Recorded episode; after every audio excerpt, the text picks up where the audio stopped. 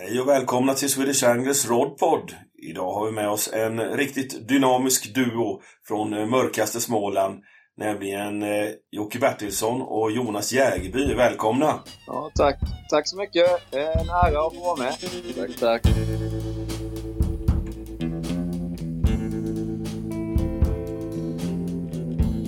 Swedish Anglers Rodpod presenteras i samarbete med Fiskekompaniet. I've had enough of your bullshit to last me a lifetime. So get out of here. I don't wanna see you around. Vi är inga storfräsare och vi har inte fångat de största pirrarna. Men eh, vi kanske har haft roligast Det tror jag också. fiskepassen. Jag vet inte. Ni verkar vara riktigt sköna snubbar. Och sen har vi också med oss eh, Tomba då. Mm, Välkommen Tomba! tack. Inte att förglömma. Nej. Hur är det med dig då, Palle? Ja, med mig, fasen det är helt okej. Jag har precis kommit hem från Kroatien. En liten eh, resa som jag var med, väg med frugan nu då. Jag hade inte så mycket semester i somras. Men, eh, och du då Tomba? Är det bra med dig? Ja, det tycker jag. Det händer väl inte så mycket. Man väntar på hösten, men den verkar inte komma. Det är så här 25 grader varje dag fortfarande. Ja, det är ju det.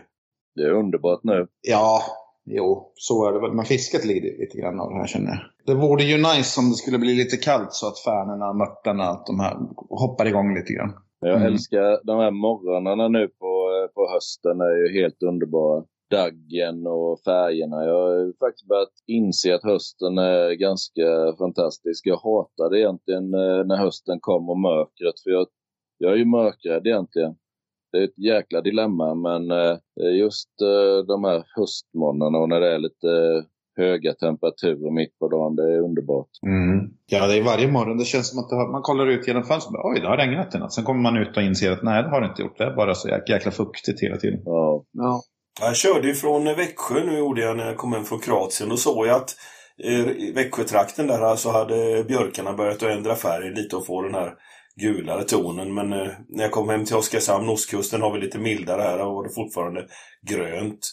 Men ni är uppe från höglandet, där brukar det hända grejer ganska snabbt va? ja Här, blir det ju, här kan det ju vara krispiga kvällar och nätter alltså tidigt. Skönt. fyra centimeter snö hade vi idag på morgonen. Nej, Nej, det hade vi inte. nej. Men, Men, det, det är eh, lite andra, annat klimat på Ja, det just kan vända. snabbt. höglandet här. Ja. Jaha, vi ska prata lite fiske här då. Ja, just det. Mhm. Och eh, vi får väl prata lite om det här med just att vara två stycken ute på fisketur och fiska ihop som team och ja, för och nackdelar och förberedelser och varför man aldrig vill träffa varandra efter en fiskeresa och allt det där. Men eh, hur, Ja. träff, hur träffades ni? Har ni känt varandra länge eller? Ja, Ja. det har vi ju. Sen 94 ungefär, 93-94 skulle jag ju säga egentligen som vi har träffats då vi bodde i samma, inte samma lägenhet men samma hyreshus. Eh, där träffade vi varandra första gången. Sen vet jag inte, jag får göra en lång historia kort. Vi har faktiskt bott i samma hyreshus två gånger. Och det, och det var alltså det, var faktiskt lite scary. Ja, Alltså, ja, men, det var, ju det, det var ju så lyhört. Det var ju det som var scary. Ja. Sofie, Sofie och Jocke var ju precis ja, nyförälskade och nykära och det hördes i hela huset. men, men eh, ja, då, alltså vi hejade i trappan. Eh, Ja. Kände ju inte er och vi hejade väl mest på varandra i trappan liksom. Det var ju inte mer än så. Det var inget fiske då på Nej, len där. nej. Utan det var ju sen, vi flyttade ju därifrån. Jag och min, min dåvarande tjej där då. Och eh, så hamnade vi på ett annat ställe i en annan del av stan. Sen dröjde det ju sen dröjde det väl bara något halvår eller någonting så fick vi nya grannar. och, det, och det visade sig att det var Jocke och Sofie som hade flyttat in precis bredvid oss igen liksom. Och då tänkte man så här, "Åh, okej, följer ni efter oss liksom? En stalker. Men Ja. då, då började vi prata lite mer. Och Ja, då sen var man ju kom, tvungen. Ja, då kom vi in på det här med fiske. Och det var ju liksom det man höll på med just då var väl mer trolling, gädda, gös och eh, alltså åka runt och meta gädda kanske lite sådär.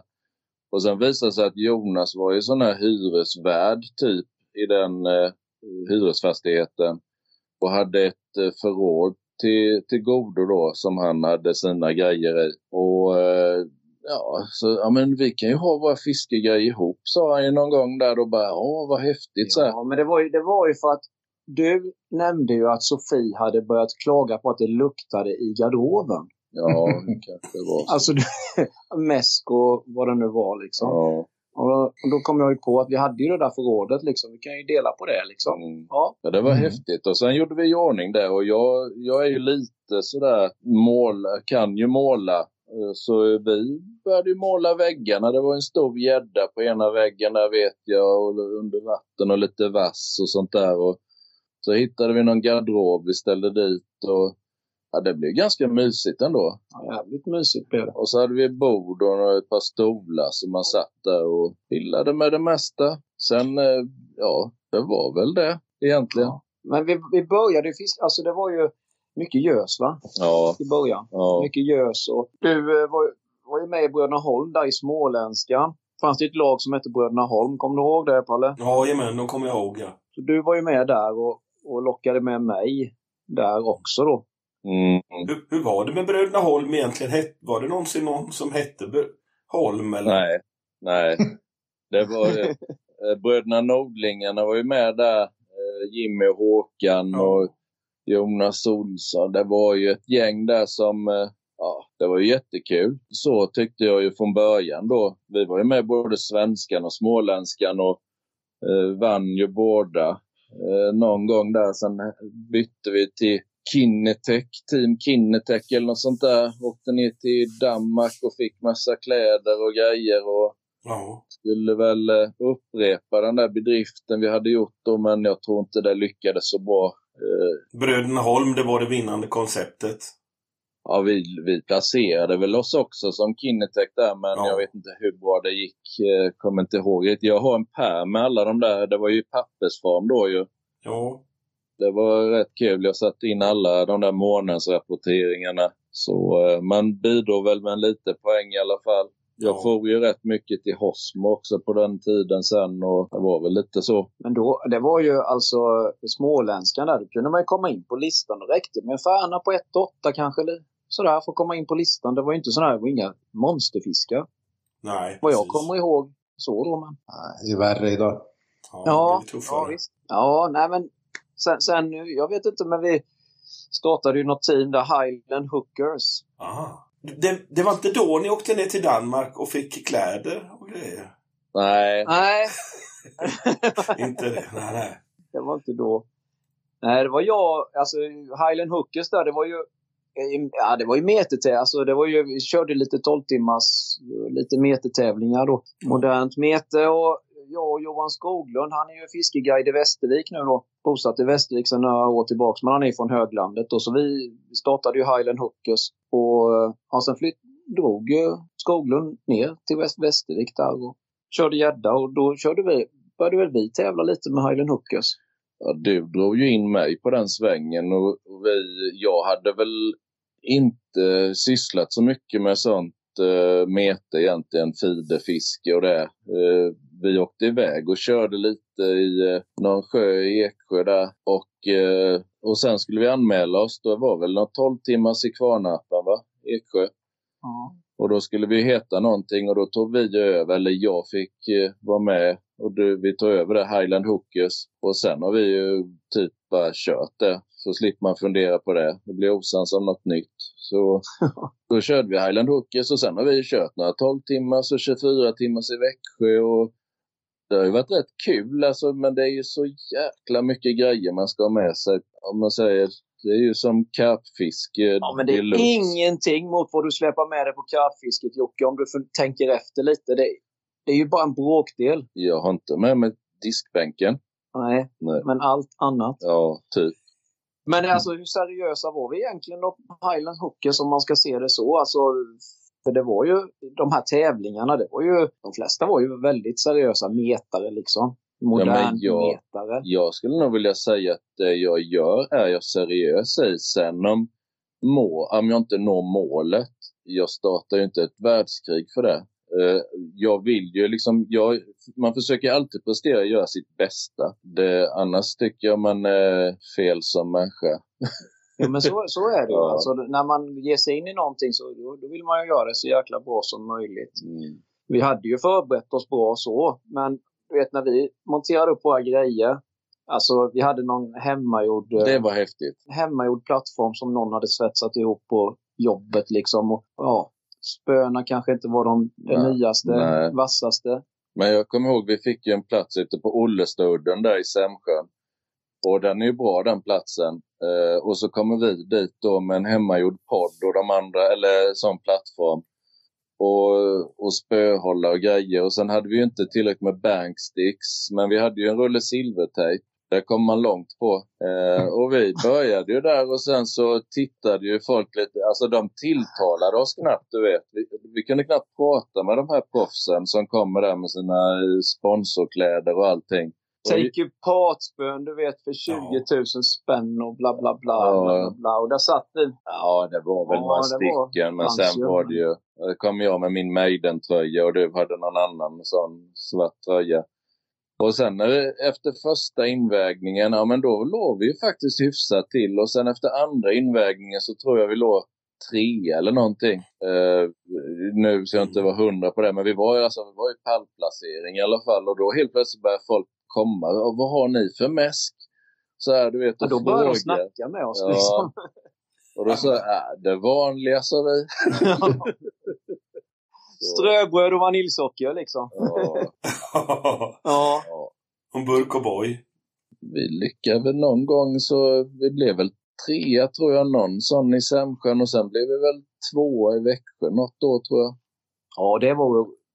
Ja, men det är roligt. Och det var ju 24 timmar. Där var ju liksom verkligen, då var det tremannalag också. Så det var ju tre som turades om. Men det var ju, ja det var actionfiske och det var liksom braxar i, i kilosklassen på löpande band. Det blev ju lite vikt liksom på 24 timmar kan man ju säga. Och Det har man ju hört talas om. Det har varit riktiga storfräsare med i de där Mm. 24 timmars där i. Ja. Och så kommer vi, det var du och jag och sen var det Mats Aronsson. Och han drev ju fiskebutiken i Eksjö där, Fiskestig. Mm. Ja. Han är ju det. riktigt duktig faktiskt. Och, nej, det, var, det var kul var det vara med. Bara liksom. Det var då, om vi ska berätta historia då, jag blev faktiskt träffad av blixten där nere.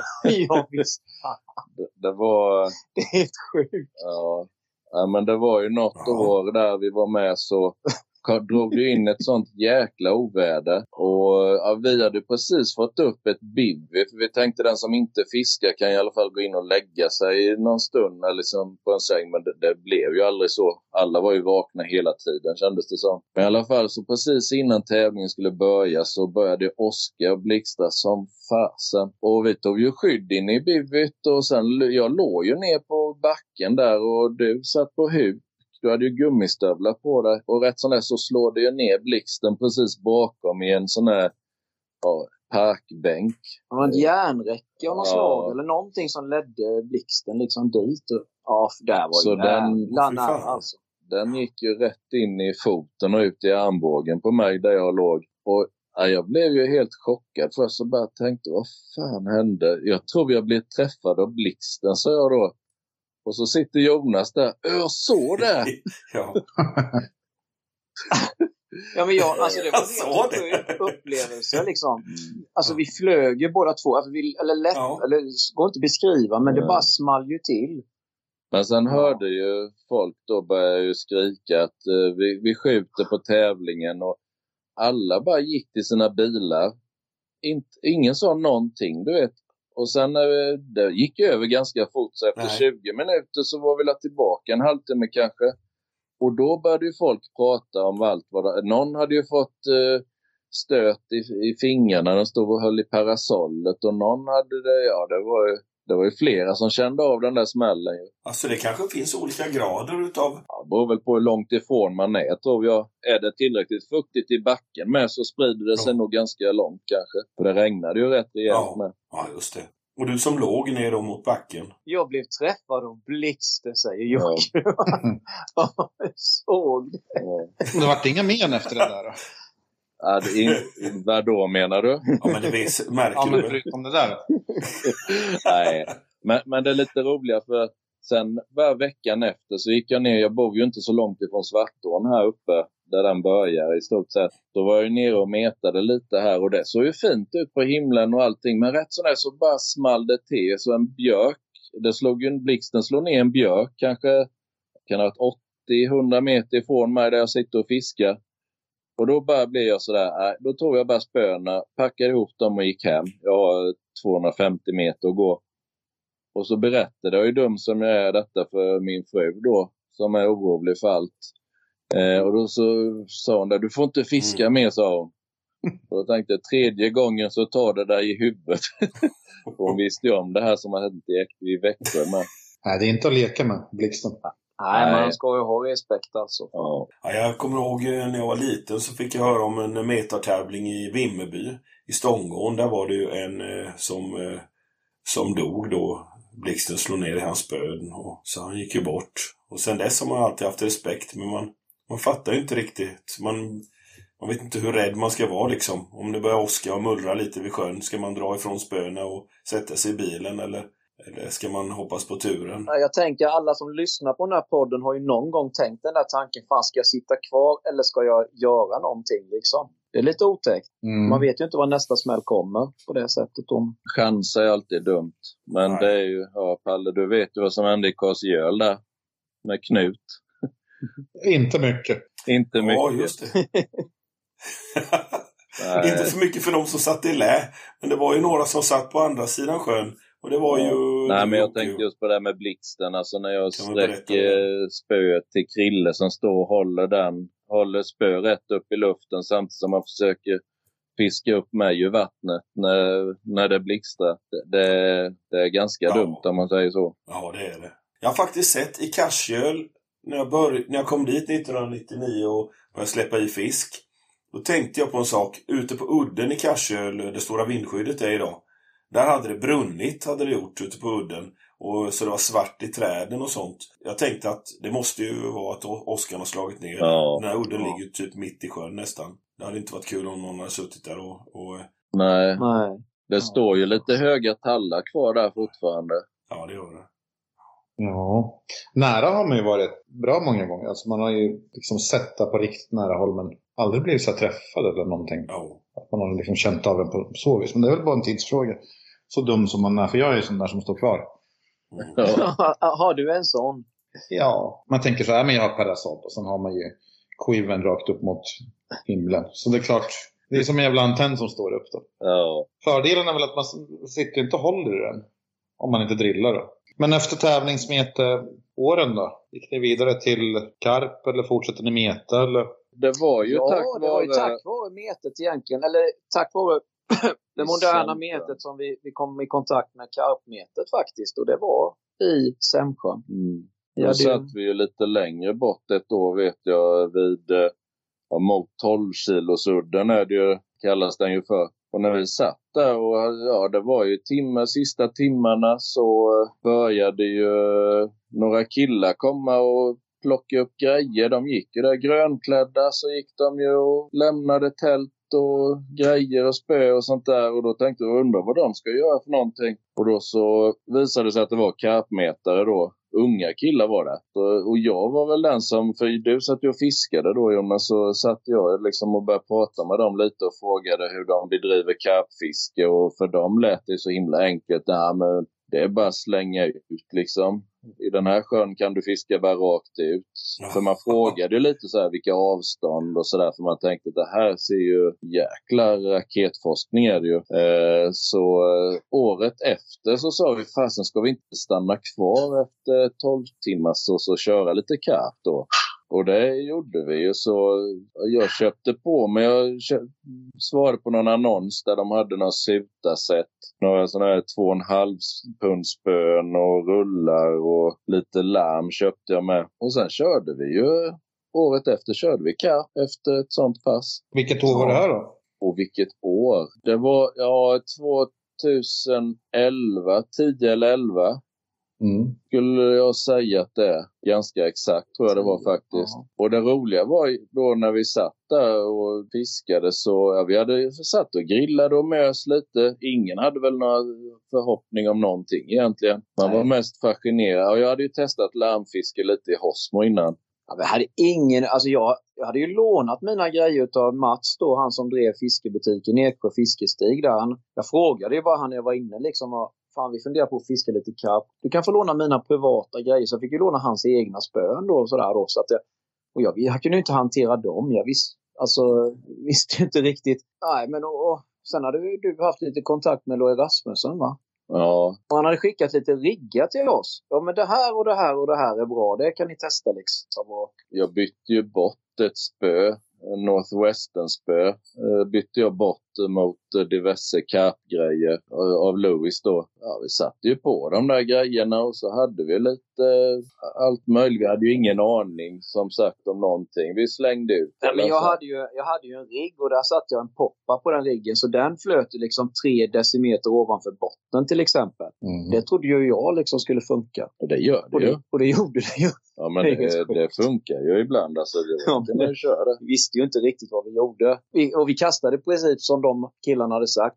Det är bara att kasta 60 meter rakt ut. Vad var det där för killar? Vet ni det så här i efterhand? Vad de, Nej, som tände eran glöd? om de har kört eh, karp efter 12 timmars tävling i Sämsjön där runt 2010 så kan de gärna höra av sig. Det var ju lyckat om man säger så. Första karpen jag får väger 12 och 1. Åh Och jävlar. sen, sen fick jag en, och sen fick jag en på 10 och 4, en på 9 och 7 och sen tappade jag en. Så, men, men eh, det var dukat smörgåsbord för det visade sig att veckan innan hade Micke Kolbäck suttit där och mäskat rätt rejält. Men det, det roliga var den här fisken jag tappade för när vi håller på där och på morgonen där så är det två killar som går och spinnfiskar lite med någon jigg bakom oss då så, så drar det iväg på mitt spö och så tänkte man det här vill de nog se så vi ropar på dem lite. Kom här grabbar ska ni få se en stor fisk. Och så var man ju lagom kaxig när man hade landat tre stycken innan då så här så man drillade ju den där och och de står bakom och tittar och sen så släpper ju fisken precis innan Jonas ska hova den. Och då vänder vi oss om, då är de redan borta. Så så intressant var det. Ja. Åh jäklar. Spinnfiskare vet du. Ja, Men vi tänkte ju det där med karpfiske, hur svårt kan det vara liksom? det var ju skitenkelt. Tre, Eh, tre ja. run på en natt. Där. Men det, var, det har vi ju fått äta upp både en och två 20 gånger. Ja. det blev ju några gånger sen. Eh, Men första karpen var lite kul. Vi satt ju där på kvällskvisten och ja men som man gör när man sitter ihop. Man sitter och ljuger och pratar om ditt och man pratar om datt. Och, ja, tänk om och tänk om och tänk om. Vi visste ju inte liksom. Vi hade ju aldrig sett en karp, livslevande karp liksom. Vi hade ju ingen aning. Och sen vid tio tiden så, så bara pip, pip, pip, pip, pip. Och vi, vad fan! Det roliga var precis, Ah!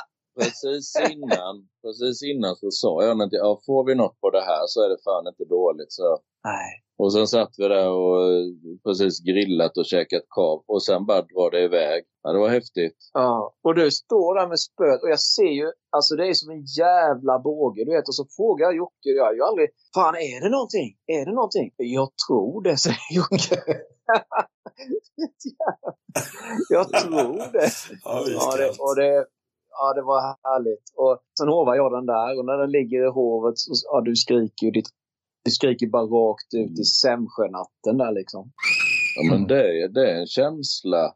Louis sa ju det till mig då bara, men börj, ska, börjar du fiska karp så är du fast. Första karpen du får, sen är du fast, sa han. Och, och det, det ligger ju något i det. Det är något speciellt och för mig nu då, om vi ska säga den tiden där, det var liksom så här, och fisken, man gjorde precis vad, vart du än åkte, så var liksom att få fisk det absolut viktigaste. Man flyttade, man rev eh, tält, bivy, podd, man slet med sig allting och så flyttade man för man trodde att man hade sett en fisk 300 meter längre bort. Och, men, men idag är det liksom det är en helt annan känsla det här med karpfisket för mig i alla fall. Det är ju liksom gemenskapen och det här vi nördar. Alltså vi är ju ett litet jävla eh, society som håller på med det här egentligen. Det är ju inte jättestort. Nej, det är det inte. Några, ett par hundra, 300 kanske. Och jag menar, då, då tyr man ju sig till varandra. För jag menar, det har ju alla varit med om det här när man säger vad fiskar du? Jag fiskar karp. Ja, går det att äta den? Och så bla bla bla. Och så börjar de fråga dem. Alltså av ren artighet så är ju folk nyfikna. Men man tröttnar ju ganska fort för de vet ju inte vad man pratar om i alla fall. Om man ska vara ärlig. Nej. Då säger man, ja, men jag, jag fiskar ganska mycket brukar man säga bara. Sen that's it. Ja. Vad tror ni om det här med mäskning? För det där är ju också någonting som i våra sjöar, när någon har varit och mäskat väldigt, väldigt hårt och sen kanske fiskat en helg. Men man märker ju att effekten är ju ofta väldigt fördröjd. Att efter tre, fyra dagar då har det fortfarande lika mycket fisk på platsen om inte mer. då. Och vad det är om man tänker Sämsjön där. Det är ju ingen sjö, alltså där ser man ser ju aldrig karp liksom. Vi har ju suttit där, ja, ja, ja, har vi sett någon gång? Någon rullning har vi nog misstänkt eller varit uppe sådär. Men det är väl... Det går ju inte att, där kan man ju liksom inte alltså, börja leta efter aktivitet och grejer utan där är det ju bara att fläska på en rejäl förmästning en vecka innan liksom. Och, men det är inte jag- säkert det hjälper heller. Vi, vi vet ju om folk som har åkt och slängt i 100 kilo boilies och sen åker dit i fyra dagar blanka i alla fall. Eh, Mm. så, så det är ju inte, men sen alltså att mäsk har påverkan. Jag har ju faktiskt nu på senare år börjat fiska i en sjö nära för en gångs skull då för oss eh, som bor här. Eh, där jag kan åka och mäska dagen innan. Och det ger ju resultat. För jag menar, har jag någon gång åkt dit och satt mig så har jag ju inte haft, ja, det är ju inte en bråkdel av vad jag får nu när jag mäskar dagen innan. Mm. Vare sig det är sutare, brax eller vad det än är så märker man ju att mäsket drar ju till sig fisk. Men då när ni fiskar i Sämsjön där, eh, drog ni iväg på lite förmäskningar? Ni har ju en bit att åka, men drog ni ibland upp och körde lite före? Nej. ja, någon gång har det hänt eh, att man har, för det var ju en bit att åka som sagt. Så någon gång vet jag, jag har förmäskat då men Ja. det var ju när Johan och jag körde någon Ja. gång. Vi åkte upp och mäskade innan men det gav ju ingenting den gången så. Men pratar man med folk som, många åker ju dit och förmäskar. Det, är ju, det ökar ju chanserna, det, så är det ju. Eh, Och de, de som har gjort det liksom, det finns ju de som har ja, haft jättebra fiske liksom på en förmäskning, en kampanj, alltså dragit kanske 7, 8, 9, 10 karpar liksom på 3-4 dagar. Så att får man bara fisken dit och stanna, då stannar den tror jag. Mm. Ja, den återkommer i alla fall. Det är ju en sak som är säker. Ja visst. Men, men en boilie, hur länge håller en boilie sig på sjöbotten? Så en vecka i alla fall. Mycket den... kräftor i Sämsjön med. Så, Ja. ja. det går. Sen Det vet man ju själv ibland när man mäskar så. Man, man kommer fredag morgon och sen när man tappar man några boilies där på, ja, vid strandkanten. Så man åker på söndag så kollar man ner. Då är de ju fortfarande precis likadana liksom. De håller ju sig jävligt länge boiliesarna i vattnet. Ser ni i Sämsjön att eh, fisken har varit och ätit på, eller kräftorna har varit och ätit på boilen eller? Ja, där, där måste man, i vissa sjöar kan man ju faktiskt låta bli om man känner liksom ett dygn kan de ju ligga i. Men där går det knappt, det vågar inte jag i alla fall låta dem ligga ett dygn. Utan där vill jag ju kasta om eh, två gånger. Men där har ni inte haft några kräftskivor i, i Sämsjön? Jo, Ja. det har vi. För ni har ju, brukar ju ha det när vi har tävling i Karsöl. Så Ja, brukar ni köra en kväll kräftskiva. Ja, inte kräftskiva, men midsommar har jag firat där faktiskt en eller två gånger. Och det har- ju varit lite fester. Det var ju Ollestodden är ju liksom där, där kan man ju sitta ett gäng liksom och man sprider ut sig så får man ju plats som man säger. Så det är ju en rätt bra ställe att samlas på och ha lite trevligt på det sättet. Jo. Du har nog blivit riktigt förbannad på mig en enda gång Jocke. Under alla de här åren. Var det när du åt upp min chokladkaka? Nej, det var det inte. Var det när du tog alla mina krokar? Nej, det var det inte heller. Nej, jag vet vad det var. Det var- Berätta det nu Ja. Det var när du drog i mitt larm när jag jag gått in i tältet och lagt mig. Ja. Ja. Fan vad, vad, arg. Jag har aldrig sett dig så jävla arg då alltså. Men det var en sån här liten, eh, ja vi hade ju lite trevligt där på Ollestodden och vi var ett gäng, jag vet inte, ja men vi var väl en fem, sex, sju stycken där. Ja, det var några stycken. Det var ju han, eh, var ju där med, vad heter han, Ali. Kommer du ihåg, kommer du ihåg han Ali som fiskade? Vad heter Ja, Ali från, eh, från eh, Rumänien. Rumänien. ja, ja, från Gislaved va? ja. Ja, precis. Alin, ja, jag vet inte hur det uttalas, men Proto Protesco eller någonting sånt här. Ja, visst. Ja. Gammal brottare från Rumänien. Handbollsspelare. Handboll kanske Ja. det var. Ja. Jättetrevlig. Nej, men Han träffade vi ju där, bland annat. Då. Men i alla fall så, ja det var ju lite fest där då den Mm. kvällen. Hade väl inte hänt så mycket. Alltså, ingen hade ju fått någon fisk i alla fall. Och jag vet inte, men jag, ibland får man för sig dumma grejer sådär man bara liksom, ja men pang, ja men nu ska, nu ska jag skoja lite med Jocke, tänkte jag liksom så här. Mm. Så jag fram till spöet och började dra då naturligtvis sådär omoget. Man blir lite, alltså man blir ju några år yngre när man fiskar på något sätt känns det ibland. Och det bara rasslar till i tältet du vet och ut flyger jag. och jag kan, ju, jag kan inte hålla mig för jag börjar ju, jag börjar ju skratta jättehögt. Och när du inser detta. Alltså din min. Och det här, det här liksom yrvakna då. Och jag, jag tror du till och med var lite sjuk, var du inte det? Nej, jag hade ont i huvudet. Så och det, var det. det var väl Ja. det som triggade mig mest egentligen. Det var liksom att jag gick in och la mig för jag hade ont i huvudet. Ja, så var det. Och, och sen så då upptäckte jag att det var ett skämt. Då blev man ju mindre glad. Nej, jag ångrar mig faktiskt än idag. Det var dumt. Men det, det är nog egentligen den enda gången vi har varit osams. Vi pratade lite om det tidigare där då om Mm. hur det är att vara två. Och i vårat fall så har det ju bara, vi, vi har så mycket utbyte av varandra och det blir eh, en trevlig vistelse. Alltså delad glädje, dubbel glädje sägs det ju, men och det är det tycker jag i alla fall. Sen förstår jag väl folk som eh, åker iväg själva och det har sin tjusning där med, det tycker jag också. Men nej, vi har roligt ihop och det till 99 procent. Och det händer alltid något. Och då snackar vi inte kanske de största fiskarna eller de flesta fiskarna, men det, ofta händer det grejer. Och jag vet inte varför, men det bara, gör, det bara blir så på något sätt. Vad menar du då? Vadå händer grejer då? Ja, man tar, ja, jag tänker Polenresan. Ja, Vi skulle ju göra vårt internationella karriär då som karpmetare i Polen. Med Idarsson eller? Nej, det var ju med Grötis och Pop-Up Tackle var det väl, hette det väl då va? Ja, just det. Vart åkte de då för, på resa? Jaroslavski. Och, och grejen var ju för att jag hade ju varit nere i Hosmo och kört lite och så var ju Mattis där nere och han hade ju varit i, vad heter den där, Abbey Lake och fiskat lite och han tyckte att jag skulle följa med på det. Och min, eh, det var ju liksom, äh, men jag vill ha lite mer kött på benen innan jag åker utomlands då för jag var ju, vi var ju nya på karpfiske. Ja, vad fan sa han då, det är det man får när man åker på sådana resor. Ja. Alltså erfarenhet och det. Och det ligger där. Alltså det, det ska man ju ha med sig att i svenska vatten är ju inte, det är inte där man testar sin förmåga direkt heller så. Nej, där, där får man bara... Alltså där, där får man ingen erfarenhet egentligen. Man får ju, testar ju ingenting utan man får bara eh, extra skinn i röven. Ja, Ja. testas, tålamodet testar man Ja, ju. och, och där har du ju ändå liksom, har du den här erfarenheten och det, då lyckas du ju i svenska vatten. De är duktiga. Eh, Vi har ett gäng riktigt duktiga fiskare. Ja. Men eh, för att som ny då eh, testa riggar och sådana här grejer och, och jämföra krokningsförmåga kanske.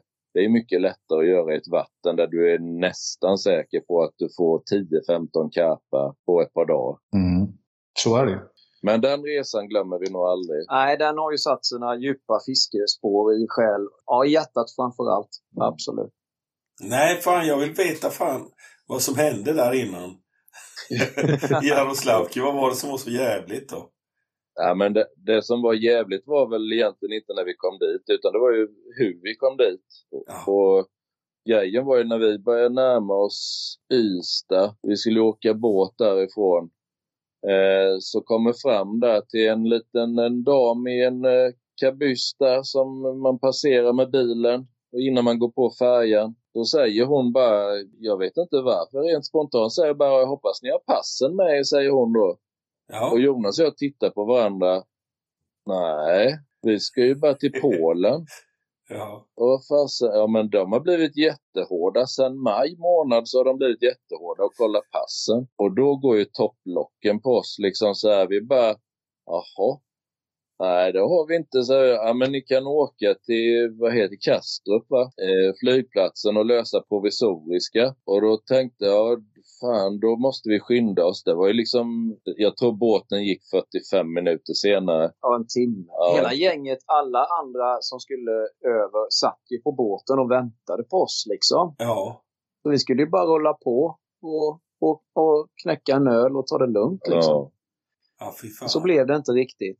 Nej, det var ju liksom en U-sväng där inne på den där terminalen och sen mot trafiken ut på vägen och ner mot Kastrup. Det gick ju som... Eh, eh, Det gick ju fort där om man säger.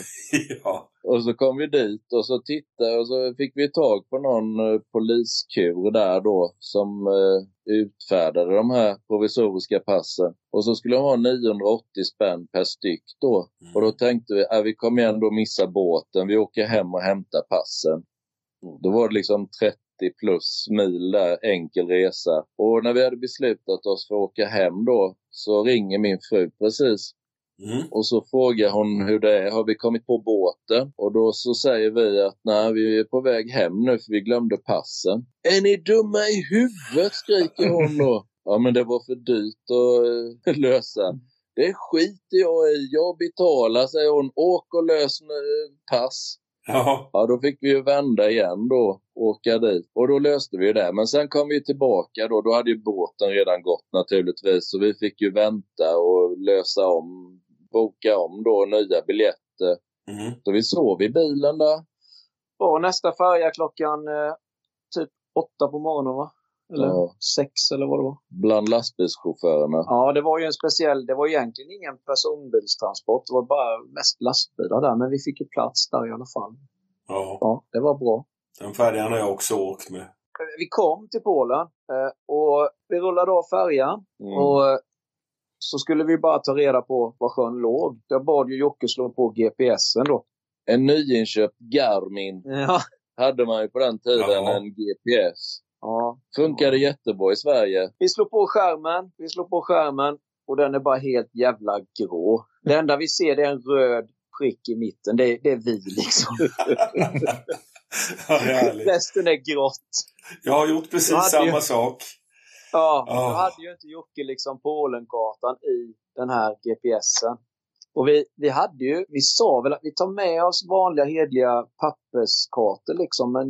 Men jag, jag, hade ju varit, jag var ju förutseende ändå, så jag hade ju skrivit ut, hade jag ju tagit reda på resvägen från, eh, vad heter det nu igen, ja, ner dit till Jaroslavski då. Svinucci tror jag va? Svinucci, ja. Svinucci. Och då hade jag det och den resvägen gick ju liksom över fyra stycken A4-papper när jag skrev ut den.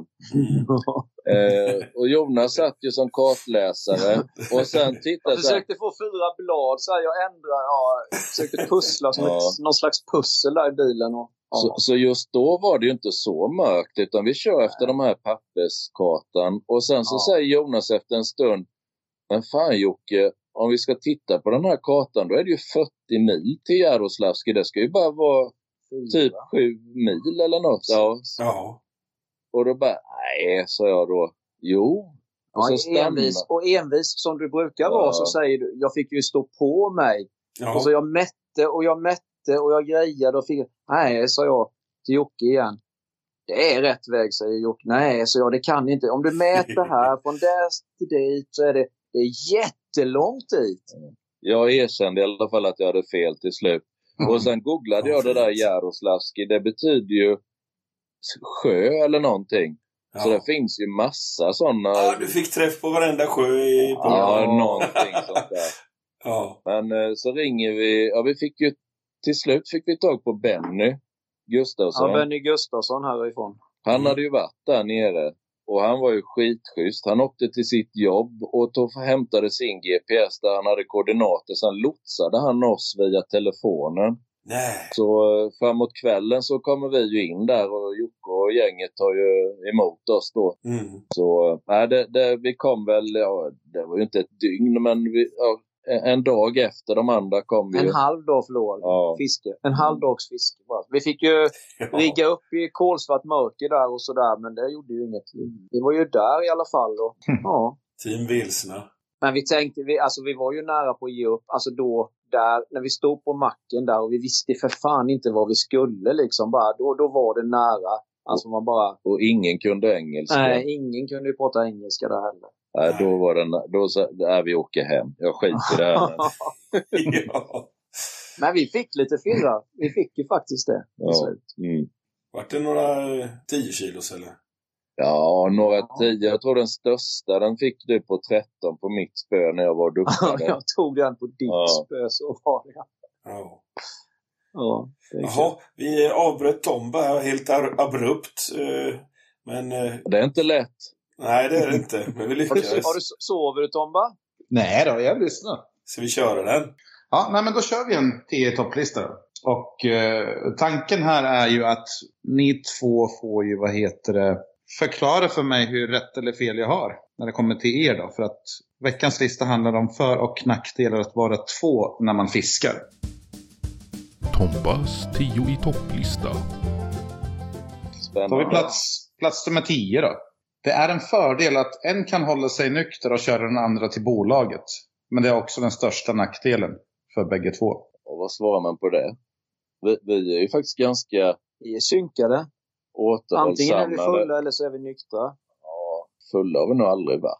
Nej, inte fulla så, men eh, glada i hatten. Ja. Vi är, ja, men det, vi är nog på samma nivå hela tiden egentligen. Alltså, eller vad var frågan? Jag glömde. Jo, att om den ena dricker och den andra ska köra bil så blir det ju oftast fel för bägge två. Ja, Jag har ju, jag ska inte säga att jag är oskyldig, men jag har ju vissa som ibland dricker då. Ah, du får köra kan ju till exempel Ronny säga. Och då tänker jag, nej för fan. men, men det, det är lite kul för jag kommer att tänka på det. Kommer du ihåg den gång Jocke när jag öppnade en öl på vägen till fisket? ja. Och vi bara tittar på varandra. Alltså det är ju så ovanligt. Vi brukar ju inte göra det liksom. Utan ja, man väntar ju så att man kan skåla tillsammans då. Men jag vet jag inte, jag öppnade en öl där i bilen. Det kändes oschysst. Ja men lite... Det, det är som att ta ett rött kort liksom i fotboll då. Man, Ja. ja, men, ja men det känns inte, det känns inte schysst mot lagkompisarna på något sätt. Fick du någon svart blick då också eller? Av Jocke tänker jag. Nej. Nej, ja, nej inte så var det nog inte. Men... Men, men eh, Tomba, du har ju en poäng där, liksom att du, du frågar efter rätt eller fel. Och det, eh, det, det är väl en fördel, om det skulle vara så. Mm. Nu säger jag inte att det stämmer på just Jonas och mig, men eh, ja, så är det ju. Nej, ja. Jag vet Sacco, han brukar kunna ta någon öl ibland när vi, vi kör upp till casual-racet. Brukar ha en eller max två i bilen, så det är, ingen, det är inte mer än så. Fast jag kör ju alltid så kollar jag, fan vad gott det vore med en öl. Så ett år då tänkte jag att nej, nu ska, nu ska jag tänka till här. Så jag tog, köpte några så alkoholfria öl och la i kylskåpet. Som jag drack när jag körde bil. Och så märkte jag att nej, det här känns helt fel. Jag kan inte sitta och köra bil och dricka öl. Det funkar inte. Även fast det är alkoholfritt. Ja, men du, du har ju din inre kompass där, säger ju att det är fel. Ja, och då är det fel. Ja. Ja, nej, jag har inte gjort det sedan dess. Men det är gott med öl, men ah, ibland kan man vänta. Men, men du har samma inställning Tomba va, när det gäller att ro.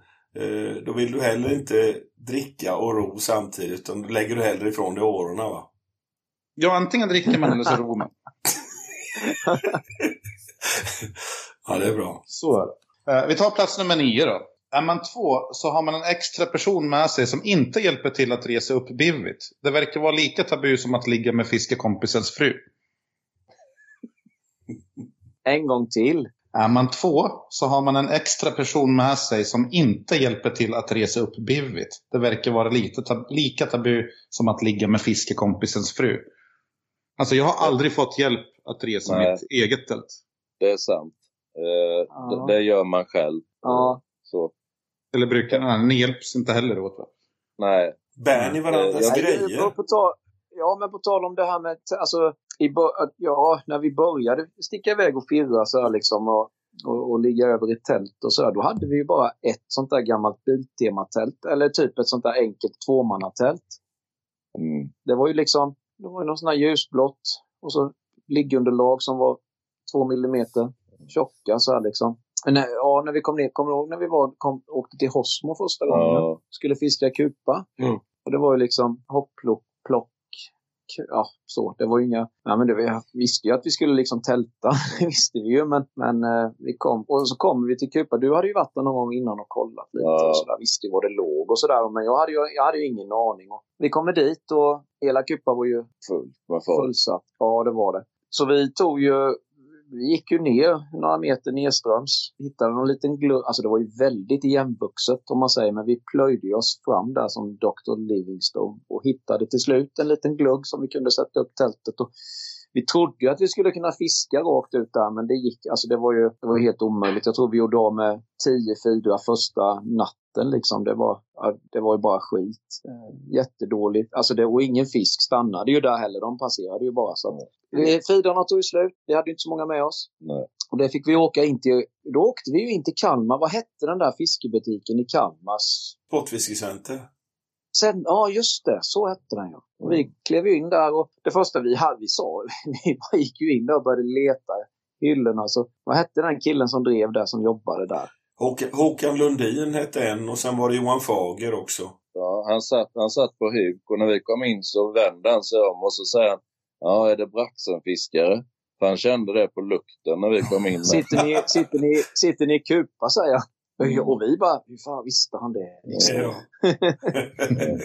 Men det, Nej, men för att återgå till frågan. Jag har ju med mig mycket mer grejer än vad Jonas har. Eh, när det gäller, han, han sätter ju upp sitt bivy och då håller jag ju på med mitt bivy. Sen när jag sätter upp mitt bivy så brukar jag sätta upp kältet som alltid är med. Eh, och, och då kan jag ju känna liksom så här att jag vill ju inte ha hjälp men ibland känner jag fan han har redan börjat rigga sina spö och då har jag liksom kommit halvvägs med, min, eh, med mitt läger om man säger så. Mm. Eller vårat.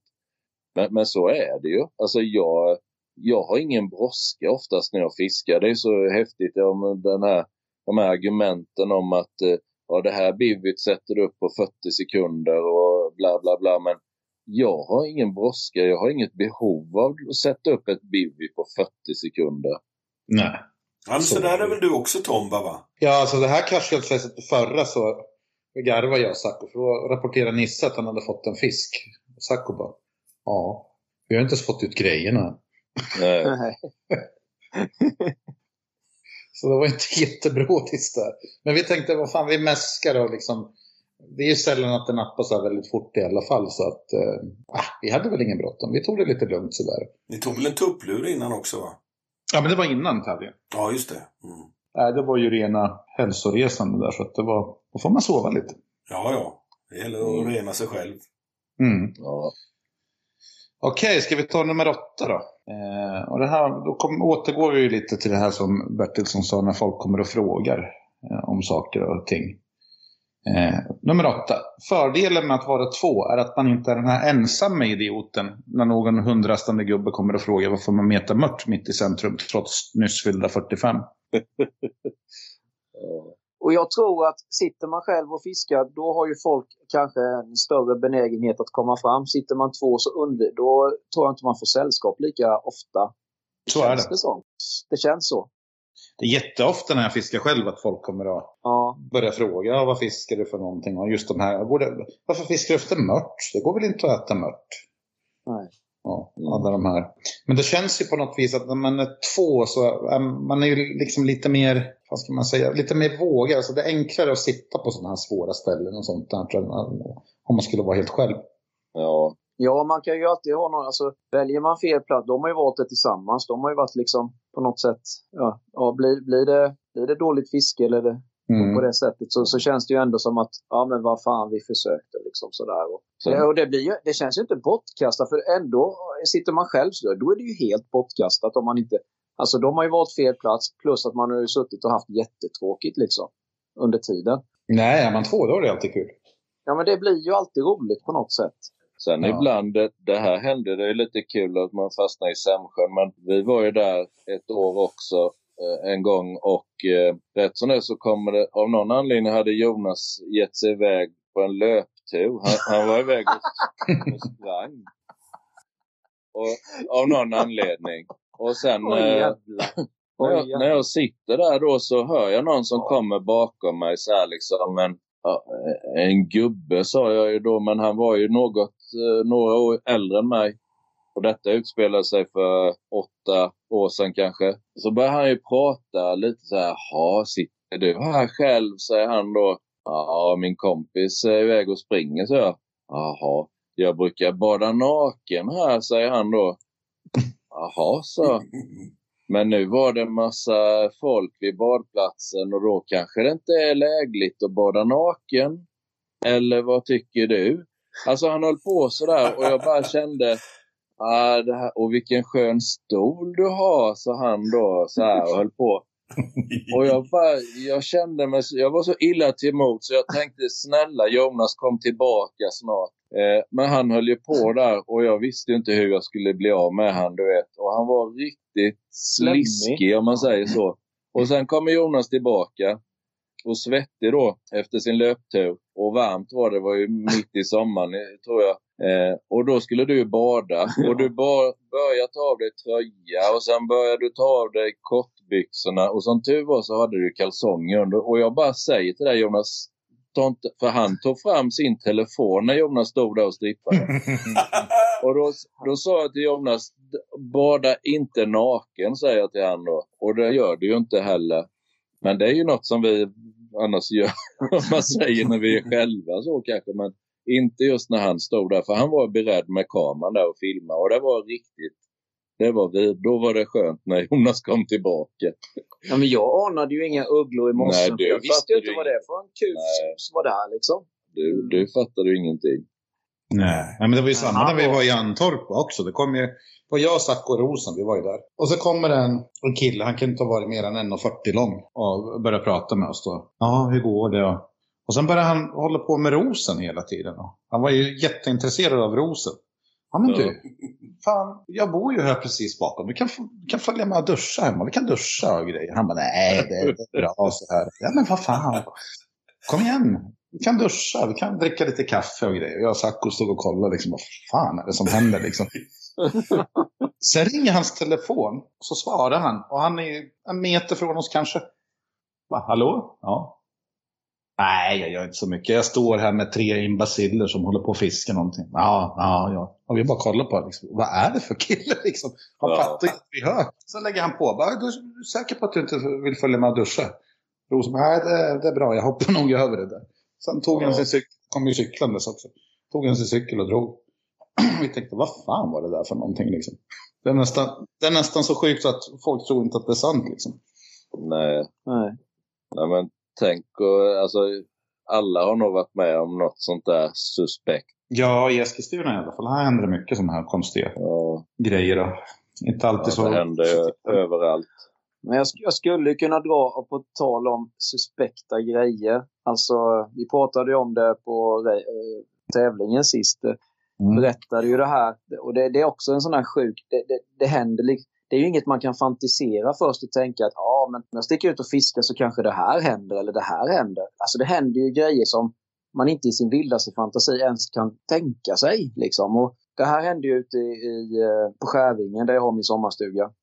Och som jag fiskade för, mycket förr i alla fall. Jag körde ju lite gäddtrolling och grejer där. Och ofta själv, så även den här gången. Ja, jag stack ut, drog igång motorn, ut med spöna. Eh, och sen har jag ju min lilla runda som jag brukar köra då. Eh, och sen hörde jag på långt, långt håll att det, ja, men det festades och det skrålades och det grejades så här liksom på andra sidan sjön. Jag tänkte, ja, okej, han verkar ha lite, det var väl någon, någon fredag eftermiddag det här tror jag för mig. Och jag kommer närmare och närmare och närmare. Och då förstår jag ju att det är någon form av för det här var ju i, slutet på maj kanske. Det var någon form av studentskiva i alla fall. Eh, de hade väl lånat föräldrarnas stuga. Säkert vårdprogrammet eller något. För det var bara tjejer. Inga fördomar här. Nej. Eh, och jag ser ju dem sitta på altanen. Allihopa. Eh, och jag kör ju ganska nära land för det, där det brantade på där så man kunde gå ganska nära land just där. Och när jag är pr- i princip mitt över så ser jag att allihopa reser sig. Springer ner, för det var ju sjötomt alltså. Stugan gick ju, vatt, ja, tomten gick ju ner till sjön där. Och de kutar ju ner allihopa. Det var säkert tio stycken tjejer. Ställde sig på rad. Vände sig om, drog ner brallorna och monade. Alltså där har jag alltså tio stycken stringrumpor liksom. på ett kastavstånd. Och, och jag finner mig inte, alltså jag, jag bara sitter som, jag bara sitter i båten och håller i motorn liksom. Hårt. Ja. Eh, jag vet inte, alltså händer det här på riktigt? Och eftersom de inte fick någon reaktion av mig och jag puttar ju sakta framåt så springer de ju 20 meter längre bort och gör om samma procedur igen. Och, och jag, vet, jag vet, alltså jag kunde ju ställt mig upp och skrikit eller applåderat eller ja men Tagit fram ja, kameran. vad som, Va? Tagit fram kameran. Ja, men ja. Sen, sen kunde jag liksom inte koncentrera mig på fisket mer. Eh, Det, det var ju helt omöjligt. Jag packade ihop mina spön där och då vet jag att... Lättpåverkad. Ja, Mm. eh, och då vet jag att Martin Paulin och Fidde, Sa- Fidde Samuelsson sitter ju och, och metar sarv tror jag i Vixen. Södra Vixen. Eh, och jag passerar ju dem på hemvägen där så att äh, jag måste svänga ner. Jag åkte ner till dem och berättade det här och de, ja, de trodde ju inte jag skojade men det var, det var verkligen sant. Ja. ja det kan ju, hade det varit tio killar då hade man ju fattat det. Ja, eller hur? Ja, det Eller är hur? liksom mer ett naturligt tillstånd efter några bärs. Ja. Fan, du skulle bjudit in dig själv på den där festen. Ja, jag, ja, för fasen efteråt har jag ju tänkt vad fan jag skulle vara... Men du vet, jag hade ju mina paravaner ute, vill man ju inte stanna. Nej. Nej, nej, nej, nej, nej. nej. Ja. Du har bara trasslar och håller på. Ja, Sen, Ja, sen den dagen har han kört den rundan varje dag. Varje I hopp, vecka. ja. Ja. ja, ska vi köra nummer sju då? ja. En nackdel med att vara två är att det är dubbelt så stor risk att någon har någonting väldigt onyttigt med sig. Det är ju eh, sant. Mm. Eh, sen är det ju som någon sa, jag, jag, vill ju inte, jag vill ju inte må sämre när jag ligger i tält än när jag är hemma. Eh, så, så jag har ju med mig väldigt mycket gott. Sen är jag ju väldigt enkelspårig när det gäller mat. Eh, då har jag ju korv och hamburgare. Jonas kan ju vara en sån här som drar till med allt möjligt eh, och slänger på grillen. Men eh, visst, vi, vi, är inga renlevnadsmänniskor någon av oss utan vi har med oss eh, onyttigt så det är, det är från bägge. Det hör Mm. till liksom. Ja, det Ja. gör väl det. Unna sig det, tycker jag. Nej, men så, så har vi det också. Att det, det är lösgodis och det är choklad och det är chips och det tar med fan allting. Och Ja. Så är det ju. Det är inte så nyttigt det här med karpfiske som folk tror. Bara, Åh gud vad skönt ni åker ut och mår bra och äter nyttigt. Vi skulle bara veta tänker man. Ligg still, äter, dricker. Ja, nu röker ju inte jag men det är ju typ det mest onyttiga man kan hålla på med. Ja, egentligen. Det är ju Ja. inte så. Jag, jag kollade lite på, för skojs skull, eh, Niklas och jag var i Frankrike och fiskade i Gravberg. Och så tittade jag min stegräknare. Jag hade tagit 24 steg en dag där. Mm. Och det var väl till och från det där trädet som vi satt och sket under. Skulle jag tro. På tal om det, nummer fem då. Vet inte om den för eller nackdel, men man lär känna folks tarmar och hur de fungerar mer ingående än vad som är sunt när man fiskar tillsammans med någon. Kul att du tar upp det där Tomba nu, för, för Jocke har ju precis investerat i en superbra... Du kan ju berätta själv. Ja, jag, jag, så här, jag tyckte att jag var värd det. För sista gångerna när man är ute nu, alltså knäna håller ju inte riktigt längre. Det har blivit för mycket paddel. Jag skyller på det. Men så när man sitter där på huk, det är inte alltid man hittar optimal toalett ute i skogen om man säger så. Och då får man ju ta till den här principen att sitt så lågt du kan. Ner kommer man ju alltid, men sen ska man ju upp också. Och det är inte Mm. alltid lika lätt. Så jag köpte faktiskt en sån här toalett, eh, en sån hink med sits och det. Och den hade jag, det var premiär nu i Korsjöl. Mm. Först tänkte jag så här, fy fan ska jag släppa med mig ännu mer grejer? Jag har ju jag, rätt mycket saker med mig, det erkänner jag ju. Men sen så kom jag på att ja, men de här två hinkarna har jag ju ändå alltid med. Det är ju beten och sen lite slangbällor och grejer i den andra hinken. Och de hinkarna fick plats perfekt i den här så då blev det egentligen mindre att bära. Du hade inte maten i där? Nej. Nej. Så, så den, eh, det var ju liksom, eh, funkade ju klockrent. Alltså istället för två hinkar så fick jag en hink att bära. Alltså att det väger lite, det är fortfarande orkar jag ju lyfta och bära så. Men eh, det tog ju faktiskt mindre utrymme. Ska jag inte säga att det tar mindre utrymme, men alltså jag räknar ju grejer att bära. Alltså antal eh, kolli. Om man säger Men så. eh, vadå, Ja. lägger du en påse som du skiter i då i hinken eller? Ja, men det finns ju, det följer ju med sådana här biologiska nedbrytningsbara påsar som man skiter i då. Mycket Ja. skitsnack här nu. Du får, men du bär du hem den också då? Eller gräver du ner Nej, den sen? slänger jag ju i sjön. Nej. Jo, i, i Korsjöl kan man slänga den sjön. Det, det, det är skitbra. Ja, det är bra. In i spodden bara. Ja. Ja, Man bara gräver ner den då. Ja. Ja, påsarna är ju nedbrutna. Ja, det är ju sådana här specialpåsar. Och jag var lite osäker Palle, för, men jag googlade och de ska vara nedbrytningsbara Ja. de här påsarna. Så Nedgrävningsbara är de. ja, Jag har faktiskt köpt två nya spadar till Cashew nu som, som man ska kunna gräva ordentligt. Ja, ja. Stora Ja, bitar. Olsson han har ju haft en sån där i några år. Jag brukar säga till henne, det finns ju ingenting mer värdigt än att skita i en plastlåda. Skiter ni båda två i den där då eller? Ja, jag vet inte om du lånade den. Det gjorde du någon gång kanske? Ja, jag fick testa den. Ja, du fick Ja. testa. Ja. Kändes det bra eller? Ja, den funkar ju. Men alltså, det, är ju lite, lite, det känns ju ändå lite konstigt för själva paketet hänger ju utanför. Så man får ju inte ner det i, utan... Nej, just det. Ja, så det, det är liksom... Det är ju lite annorlunda då, men... eh, Så sitsen klämmer in under pungen precis. Ja, det kan man ju Ja, klämma in den ja. man vill. Ja, ja. Men ni har inte provat den här crap strap då? Det var något nytt. Ja, men det är som ett stort, långt, alltså sån här, nästan som ett eh, spännband till lastbil. Så du lägger den runt ett trä och sen lägger du den liksom runt ryggen. Så kan du liksom bara luta dig bakåt. Ja, just och det. stå. Ja, den har jag sett. Det, Mm. det, känner jag, det har jag sett med, ja. Mm. Ja, Jag tror att det har börjat som ett skämt eller någonting, men vad fan, det måste ju vara en rätt så bra grej. Alltså den tar inte mycket plats i alla fall. nej. nej. Ja, ja vi får Då se. gäller det att, att gräva hålet på rätt ställe då. ja, jo, det är, det är ett avstånd. Ja. Ja, vi kör nummer, eh, vad blir det då? Sex eller? Vet inte hur ni har det, men jag har aldrig fiskat en helg själv och det har spårat ur totalt. Fördelen är att man kan skylla på sin kompis när det väl händer. Ja, det, det låter som vi... så här, men det händer ju inte. Det spårar ju sällan ur, så tycker inte jag. Det beror ju på om man drar gränsen för att spåra ur. Men, men Ja. grejen, fördelen med, alltså den största fördelen är ju att vi känner varandra så jäkla väl. Så att alltså, de som inte känner oss tror väl kanske att vi är både dumma i huvudet, vilket vi kanske är ibland, men osams eller vad det är. Vi har ju liksom eh, en jargong mot varandra som eh, vissa kan uppfatta lite burdus kanske så. Men det är ju vårt sätt att vara eh, Mm. och det köper vi ju. Men att det spårar ur tror jag fan, knappt det har gjort. Aldrig, egentligen.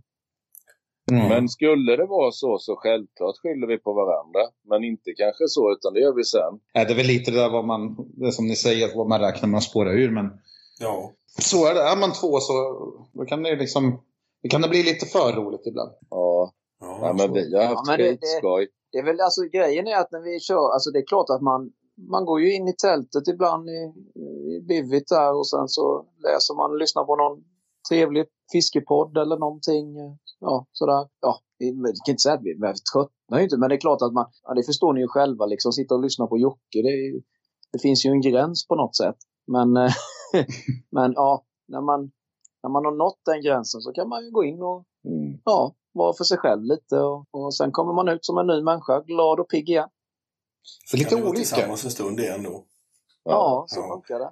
Eh, Jag fick, eh, jag hörde mig för lite om er så här och jag fick en rolig bild här skickad av mig från ett arkiv. Ni ska få se den här, jag kan, vi kanske lägger ut den sen vi får se i podden också. Men det var en bild på Joakim eh, här med en Konsumpåse över huvudet. Eh, Jag vet inte om ni känner igen den här. En väldigt märklig bild. Eh, Man ser du har en Pro- Prologic-jacka också. Ja, Vad, vad, vad sysslar ni med där egentligen? där var ju inte Jonas med utan det var nog under den här eran när vi eh, körde eh, svenskan. Vi var i Ursjön och fiskade ruda. Ja. Eh, och John hade ju sagt att det, det finns ju nästan, eller han hade aldrig varit med om att det var knott och mygg. Men eh, när vi var där så var det något djävulskt med knott och mygg. Det var hemskt var det. Mm. Och, och då satt jag med den där påsen över huvudet och så hade jag gjort ett hål så jag satt och rökte som fasen. Det var det enda som hjälpte i stort sett att ha en cigg i munnen. Ja, det var hemskt. Ja, Nej, där kan det vara riktigt mycket mygg ibland. Och knoppar. Ja. Ja, ru- Rudavatten kan vara grymma alltså. Jag har varit med om Ja. hemska saker. Jag har faktiskt haft med mig cyklop och satt över huvudet och sen snörpt åt med scarfsar och grejer och sånt där. ja. Fy fan. Mm. Nummer fyra då. En stor nackdel att man sällan får fiska ihop med kvinnor. Men när man tänker efter så är det kanske en fördel. Ja, alltså nu är det ju rätt mycket tjejer som börjat fiska och så, så det är väl eh, det är ju kul tycker jag. Sen har jag väl inte den umgängeskretsen. Jag har fiskat med Sussi ett par gånger. Eh, Strid. Mm, och eh, det är jättekul. Eh, man, jag ska inte säga att man är olika, men i, i vårat fall så har man ju olika infallsvinklar och man lär ju sig. Det är ju liksom det roliga egentligen, att man lär ju sig att man om man är ödmjuk eller lyhörd för andras fiske. Och det märker man ju bara när man träffar ett gäng så här i Korsgölsracet. Alltså Vicke och de här som inte vi träffar vanligtvis. Men jag menar, lyssnar man och man lär sig så jäkla mycket av er också. Tomba och Palle liksom. Och sen, sen får man ju sålla naturligtvis. Mm. Men är man likasinnad eh, nu har jag inte fiskat. Min fru ville följa, jag lovade, eller hon lovade att följa med ut någon gång och fiska. Och då åkte vi ner till Vittsjön och fiskade. För det var enda stället det fanns toalett i, i anslutning till swimmet där på campingen. Mm. Det är också en historia men det, ja. Det brukar vara viktigt för dem eh, att det finns en toalett faktiskt. Det var väl lite så jag menar också. Att det, Ja. det, är- det är ju inte det här med att man liksom skulle se ner på kvinnor eller någonting. Liksom, utan mest det här sociala, eller ja, liksom hur man...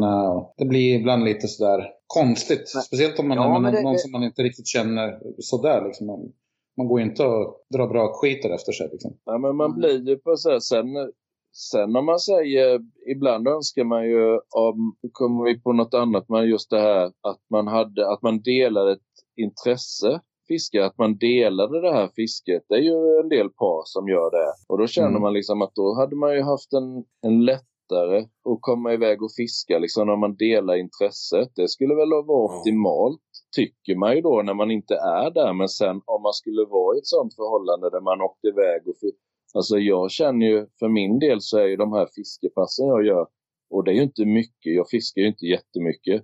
Men det är ju ett andningshål, liksom. Det är ju liksom ladda batterierna så här eller vad, kalla det vad man vill. Men egen tid helt enkelt. Mm. Och då vill inte jag ha någon eh, fru med mig.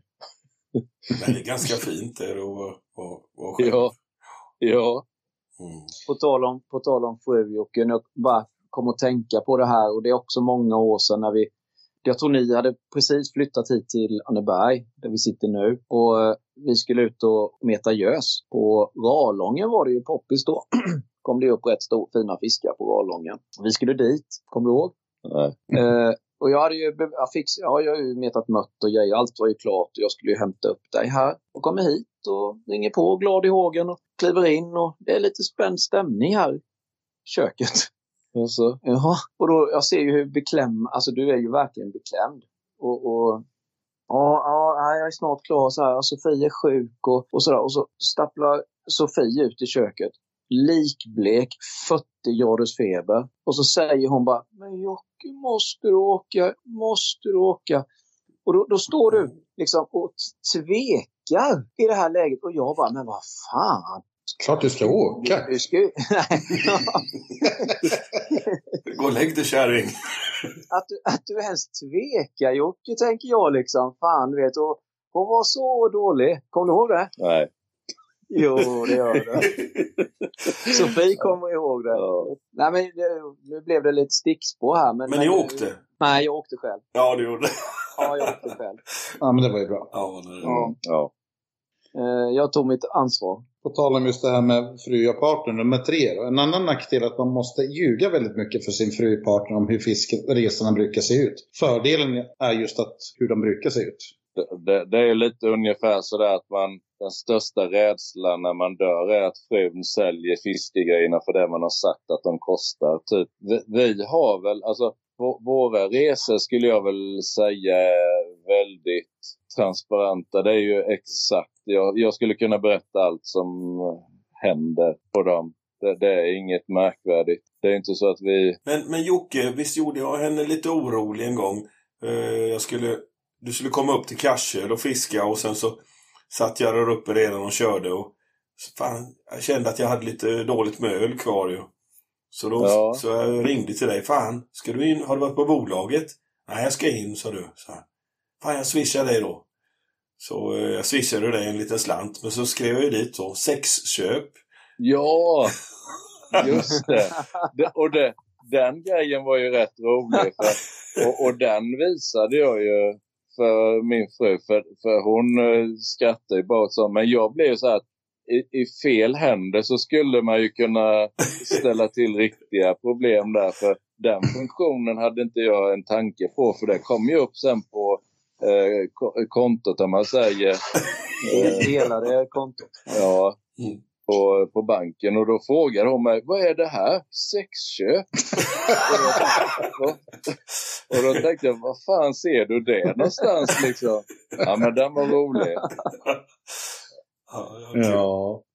Ja, Nej, så är det. Men just det här med fiskeresorna, att jag tror kanske att man, alltså utåt sett så målar man kanske upp en bild av att, liksom att det kanske inte är så roligt på fiskeresor som det ibland kan vara. Sådär. Nej, men vi ska Ja. bara ut och fiska och si och så. Men skulle folk veta hur roligt man har, då skulle man aldrig släppa en och fiska. Nej. nej. Eh, nummer två då. Fördelen med att vara två är att om någonting allvarligt skulle inträffa. Nackdelen är att risken att någonting allvarligt kommer att inträffa ökar med 6000 procent. Så, så är det ju. Man, man, eh, risken att någonting händer är ju större om man är två. Eller ja, det beror ju på vad, vilken typ av händelse man pratar om. Eh, Nej men allting, man blir ju så. Nej men det är klart det där funkar. Kör, kör över det här slukhålet, det är klart det kommer över. Men Ja. liksom, vi ror över den här sjön, fan det blåser ju bara 15 meter i sekunden. Och, Vi är två Ja. i alla fall. ja, Ja, men, men sen eh, visst, skulle något hända så är det ju alltid, alltså att det händer bägge är väl eh, kanske inte så. Även om du säger precis att det ökar 6000 procent. Och det här med båt var rätt skoj. Det var ju när vi var i, och var vi var någonstans då, när vi fyllde din båt till bredden och så ge oss ut. Ja, men det var ju, vi skulle korsa Atlanten. Ja, Nej, det var det inte. Men vi skulle gå, vi skulle över Sämsjön. Den är ju stor sjö liksom. Mm. Det var ju mycket grejer och jag har ju mindre grejer. Men vi skulle ju ha med oss allt. Ja, men det var väl någon Swedish ja, det var SCC eller något sånt någon där. tävling. Så vi Ja. skulle ju till någon Andra sidan del skulle vi på till. sjön då i alla fall. Mm. Och allt skulle med.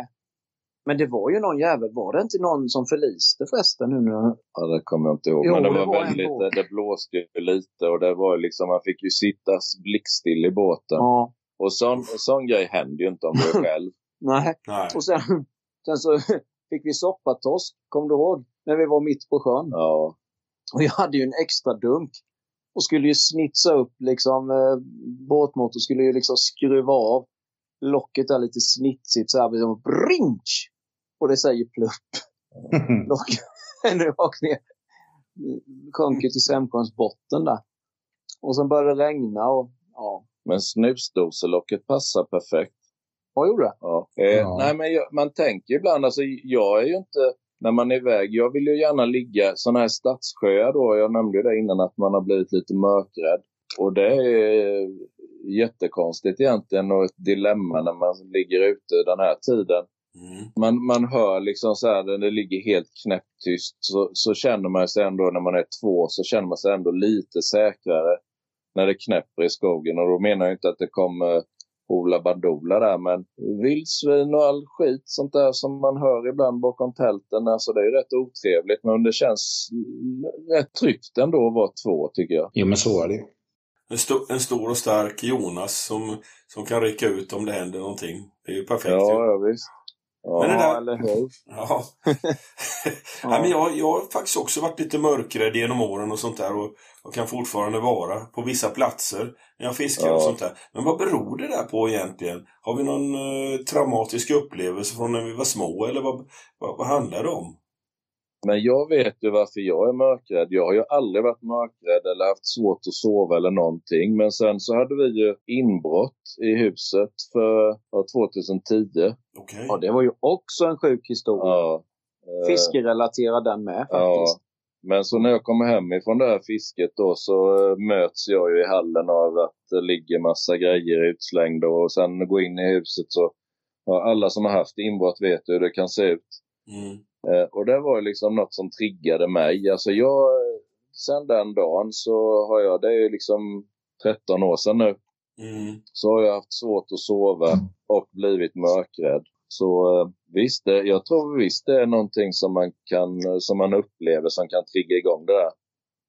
För innan, jag har aldrig haft några problem med, med det. Men sen tycker jag liksom att det är nog rätt vanligt ändå för många tycker det är så jäkla macho att inte vara mörkrädd eller erkänna att man är mörkrädd eller någonting sånt där. Så Ja. för egen del så, så är det liksom en, har blivit otrevligt att fiska själv liksom på alltså Färnafiske. Då åkte man ju alltid ner där och sen satt man ju halva natten eh, själv där och fiskade. Och, men nu är det liksom så här, nu, fisk, nu börjar det bli skumt och då brukar jag sticka hem när det är som bäst egentligen. Ja, ja, det blir ju det. Det är helt sjukt. Ändå är det trygga platser liksom eh, någonstans ute i skogen vid Emån. Det är ju väldigt s- sällan att det händer någonting där. Och, och likadant eh, typ om man fiskar Bjursjön eller Karsjöl. Det är ju det är sällan att det kommer en människa ens på dagen där och, och går förbi. Men eh, jag vet känslan. Och, men för mig har det varit tvärtom. Jag, jag har blivit tuffare och tuffare med åren. Eh, när jag var yngre, så här 18, 19, 20-årsåldern, då var det väldigt svårt att fiska själv och tyckte det var obehagligt eh, som tusan att, att ligga ute. Ju mer åren har gått, liksom, desto mindre orolig har man varit. Och liksom, vad händer? Eh, vildsvin, det händer ju ingenting. Liksom, de, de skiter ju i oss, de drar ju så långt de kan. Och, så, så, sånt Ja. där har man hållit på och intalat sig, så det har blivit bättre och bättre. Så är det ju. Och det är väl bättre. Det har blivit bättre för mig med. Liksom, så det är, eh, men det fanns ju en tid för några år sedan tillbaka där man liksom valde att inte åka iväg själv till och med. Ja, Men nu, nu har man ju lärt sig att dels att stålsätta sig och sen vet man ju att man eh, är hyfsat trygg ändå ju mitt ute i buschen. Ja. mm. Ja, jag har ju fan fiskat mycket. Förr fiskade jag jättemycket gös, så det var ju bara nätterna igenom. Jag åkte till en camping, jag var ju i stort sett själv där. Och sen fiskade jag nätterna igenom. Så nu har man ju meta björkna, det är också så här enmansgrej Mm. om mycket nattfiske. Men jag har fan aldrig haft det där. Eh, Det- är väl, ja visst om du fiskar centralt eller så, att det är mycket folk som är, eller ja, kanske inte mycket folk, men att det kommer någon helt plötsligt. Och, det kan ju kännas så här li- lite grann att fan, man vet ju inte vilka det är som kommer. eh, Men ute i börsen har jag aldrig haft någon. Men däremot så har man ju börjat tänka så att fan, man blir ju inte yngre med åren. Så man kan ju råka ut för någon jäkla stroke eller hjärtattack eller alltså någon medicinska bekymmer. Och då kan det ju vara skönt att vara två. Ja. Men är man vid lilla Karsjala och får hjärtattack, så det är ju rätt lång väg att ta sig till bilen. Så är det. faktiskt blivit väckt av polisen eh, mitt i natten på, i Norge. När vi var där, jag och Johan Skoglund. Och det var ju på den här tiden vi, vi, fiskade, vi fiskade fluga.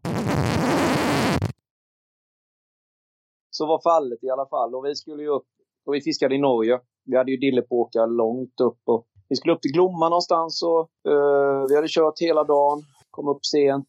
Det var mörkt. Slängde upp tältet.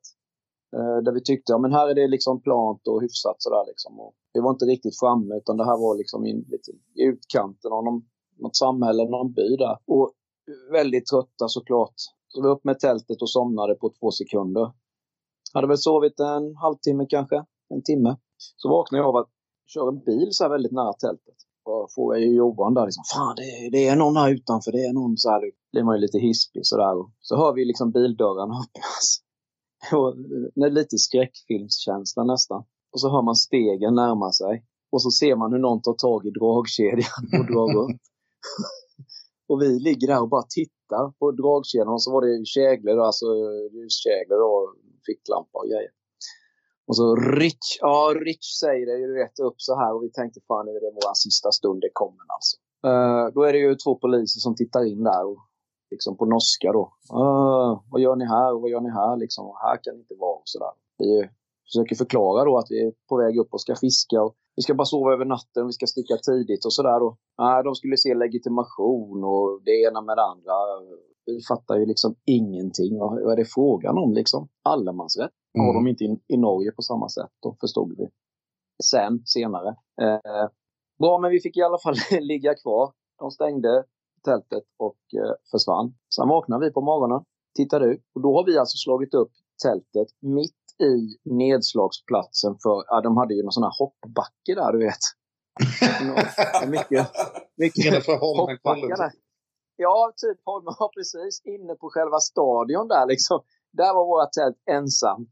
Eh, och så, så stod det stora skyltar så här. Ja, nu kan, jag kommer inte ihåg vad det hette på norska då, men att ja, det var ju väldigt tydligt att camping var förbjudet där i alla fall. Så vi, vi rafsade ihop grejerna och stack fort som fan. Det var plant och fint där ju. Ja, det var ju jätteplant. Man har hela Norge för sig och då väljer man en plats där man inte får campa. Ja. Ja, ja. Som sagt, vi- det var ju kolsvart när vi kom. Vi såg ingenting. Så. Nej. Men de, ja, svenskar liksom, så skakar de på huvudet, poliserna och så. Kom vi väl undan med det, tack vare att vi var det. Ja. Nej, de fattar sig inte på backhoppning. Nej, Är det någon som har varit med om några sådana här otäcka saker annars här när ni har tältat ute? Och... Alltså man har ju slagit upp tält i något som visar sig vara får eller kohage. Och blivit väckt av att det kommer massa kossor och så. Det har man ju gjort. Och sen.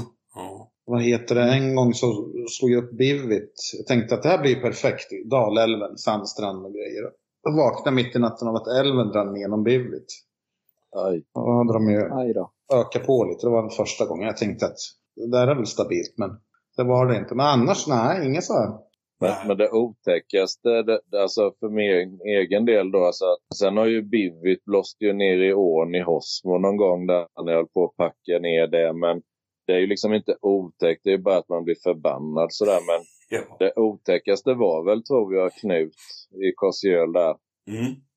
Då, då kände jag verkligen hur livet bara rann ifrån mig. Liksom kändes det som då. Det var bara, allting var bara skit. Spöna for ju i vattnet och eh, så satt man och höll i bivvis för att inte det skulle blåsa bort. Och, fan. ja, det, det var det var trauma kändes det som. För du hade ställt ditt, eller, ditt podd ute på den där stora stenen där. Ja, och alltså alla visste ju om att det skulle vara liksom, det skulle börja blåsa. Det visste ju alla om. Och Krille var ju förutseende. Han ställde ju sitt bivy åt fel håll om man säger så då för att inte få kepsen i motvind och sådär. Och, Ja. men eh, jag hade ju ändå förberett mig tyckte jag. För det var ju riktigt stora stenar låg det ju där. Och jag band ju fast poddet i de här stenarna och jag var ryckte i det och kände att det här det går aldrig någonstans tänkte jag. Mm. Aldrig att det kan blåsa omkull. Eh, men den styrkan som var i den där jädra vinden där, den var ju brutal alltså. Ja. Det, det bara ved. Det var som ett godståg som får fram ju. Så när allting åkte i, det bara pep i grejerna och sen blev det tyst, eller? Nej, jag hörde ju, alltså vinden och regnet gjorde ju att man hörde ju ingenting. Eh, och sen så försvann ju peggarna på bivit ganska fort och där satt jag ju på min säng och höll i, i bivit så gott jag kunde. Det fladdrade ju som kjolen på en käring där. Mm. Det var hemskt, men det höll ju inte i så länge ändå.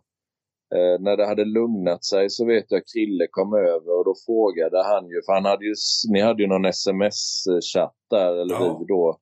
Och den hade jag ingen möjlighet att titta i för jag var ju upptagen med annat. Men Krille hade ju sett att eh, någon skrev att det är något fel på Jockes eh, larm eller podd. För det hade ju slutat och blinka, det syntes väl över sjön då. Ja. Eh, så då fick vi ju gå ut och så såg jag väl eh, butten på ena spöet där i vattnet då. Krille kom ju över och frågade hur det var då. Och då sa jag väl bara åt helvete, sa jag eller något sånt där vet jag. Ja men Ja. vi måste ju få upp dina spö, sa han. Eh, och vi hjälptes åt och när jag står och sträcker mig efter det sista spöet där så far jag i vattnet då. Och så ger jag ju spöet till Krille som står där och håller det rätt upp i luften och så håller han ju mig med andra handen då. Och det åskade och blixtrade runt omkring oss. Ja, Så, Vilket kaos. ja, då, då vet jag bara slängde spöna i en buske och sen gick jag in och försökte torka larmen över gasolen in i bivit då för då hade ju vinden avtagit lite. Mm. Eh, sen eh, vet jag inte vem det var som lånade ut ett par, några larm till mig för de här funkade ju inte så bra då. Men eh, dagen efter så var det som glö- bortglömt och det var ju liksom fisket i, i helhet. Det är liksom det som får en att få livet tillbaka, höll jag på att säga. Underbart ju. Då hade man glömt det igen och så var man på det.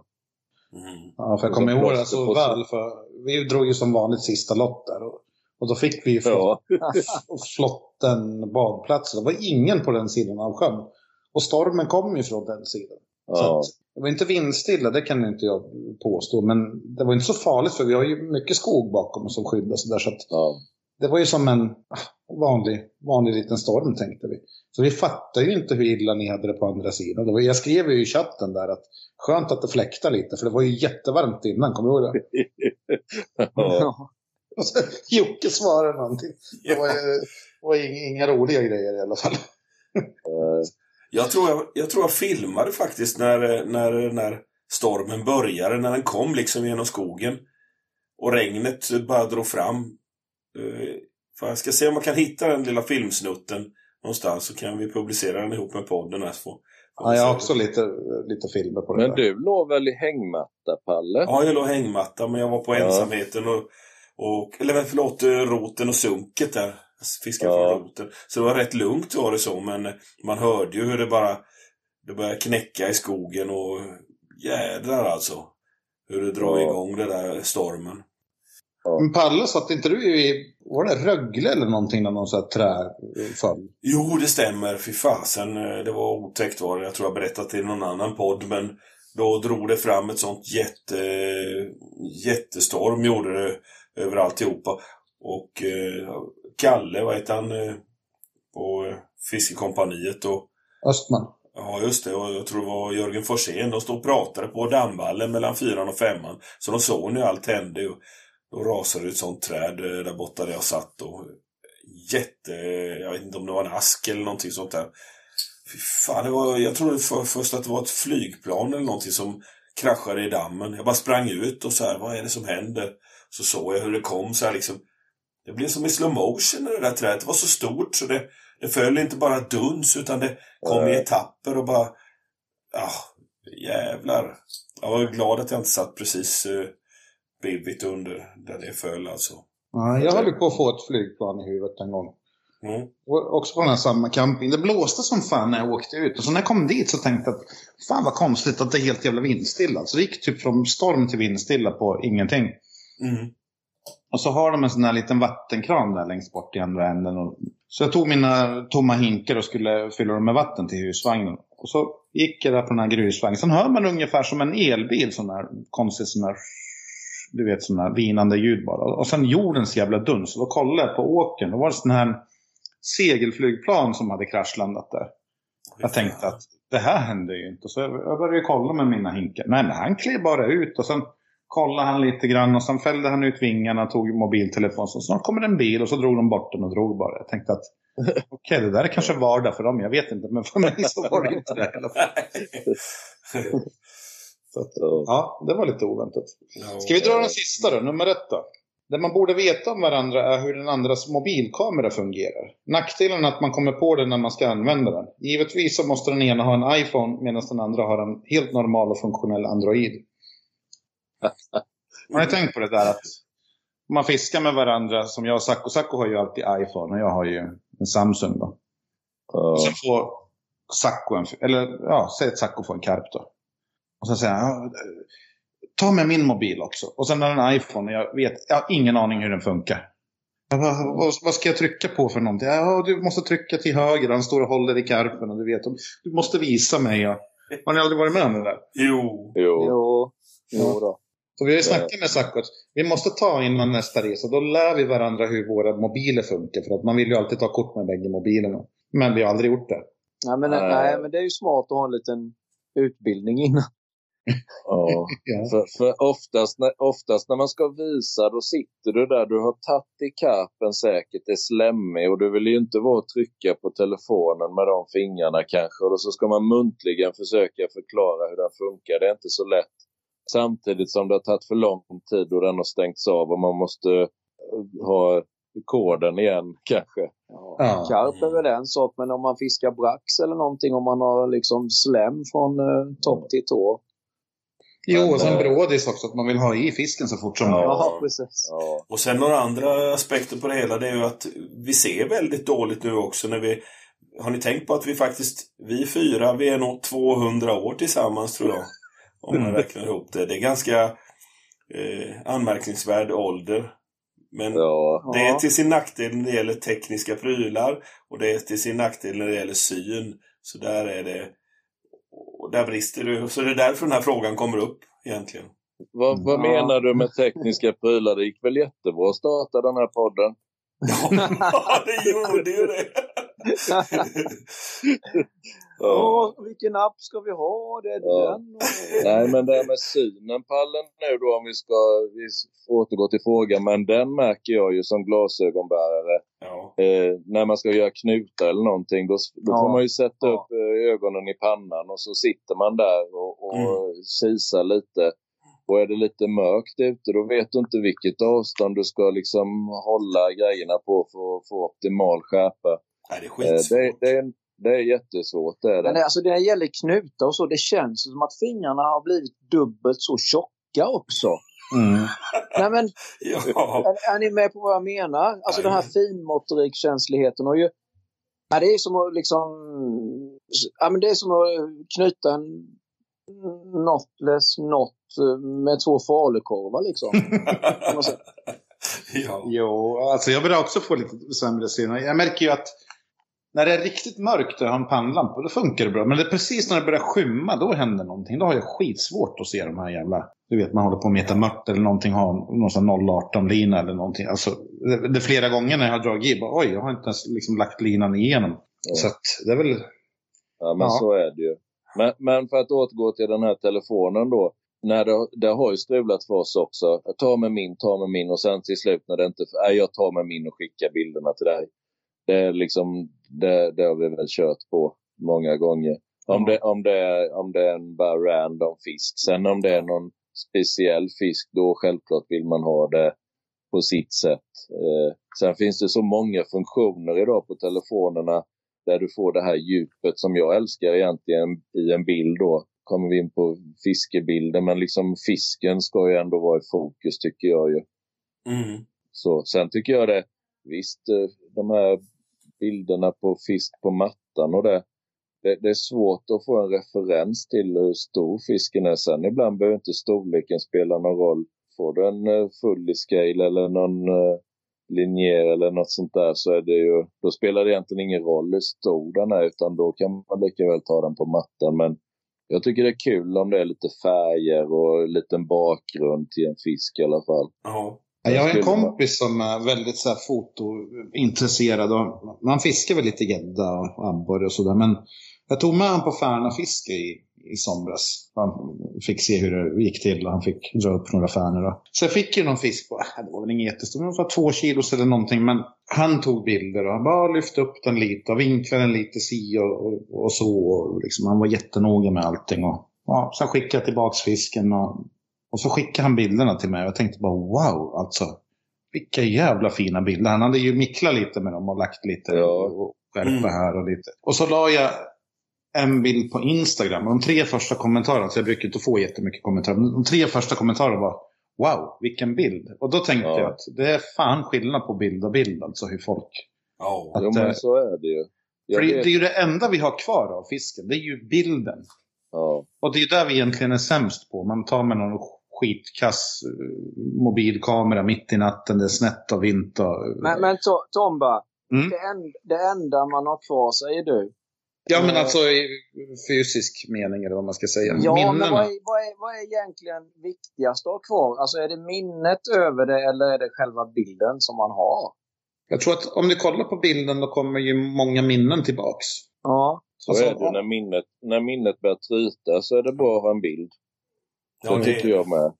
Jag knäpper väldigt många kort, men jag knäpper många kort på sånt som inte liksom fiskerelaterat. Att man liksom säger sig att ta lite på vårt läger. Och, och jag tar ju mycket till, vad heter det, krönikan och si och så också. Men Ja. det väcker ju många minnen till liv när man bläddrar tillbaks på gamla krön- krönikor ibland. När man... ja, det stämmer. Men är ni sådana som ni framkallar bilder med? Som man, alltså förr hade man ju album, alltså jätte sådär snyggt om man Mm. hade fiskealbum. Och man skrev, alltså man döpte dem till året eller fiskeresan och sen hade man ju det. Det tycker jag ju är fantastiskt roligt att ta fram och bläddra i nu.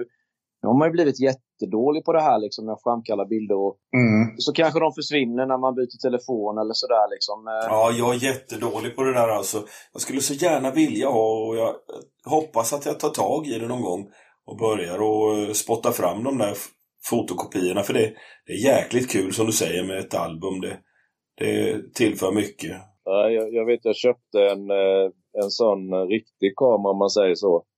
Eh, och eh, det var wifi och bluetooth i den så man kunde skicka över bilderna direkt till telefonen från kameran. Men det kom jag ju på först senare för grejen var egentligen att jag skulle framkalla och ha ett fotoalbum men det blev ju aldrig det utan nu har man all, alla bilder i telefonen eh, ändå liksom.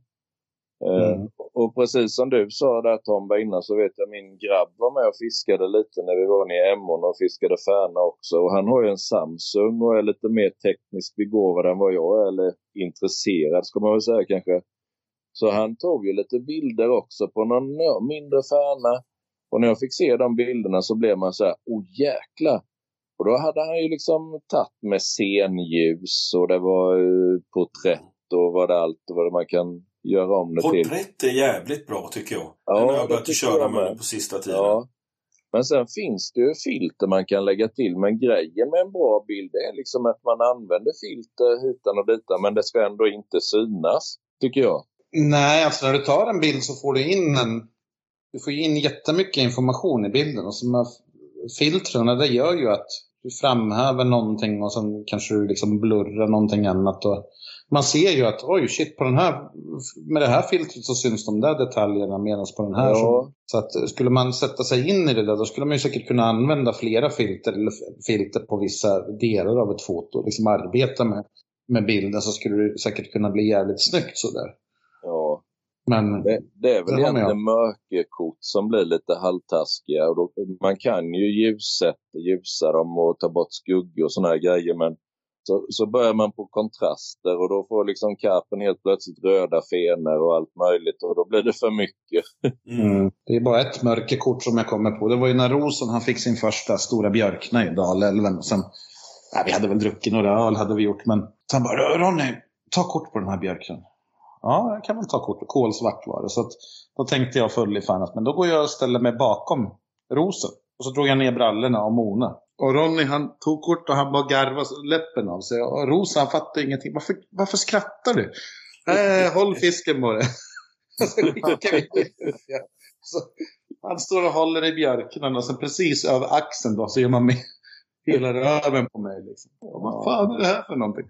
Men det är ett sånt där kort, den ploppar upp lite då och då. Fy fan vad vi garvar liksom. Det är ett dåligt kort men det är ändå ett, ett rätt roligt minne sådär. Kan vi publicera Men- men det- det... i samband med publiceringen av den här Nej, podden? nej, nej. Nej, Ja, okej då. Ja.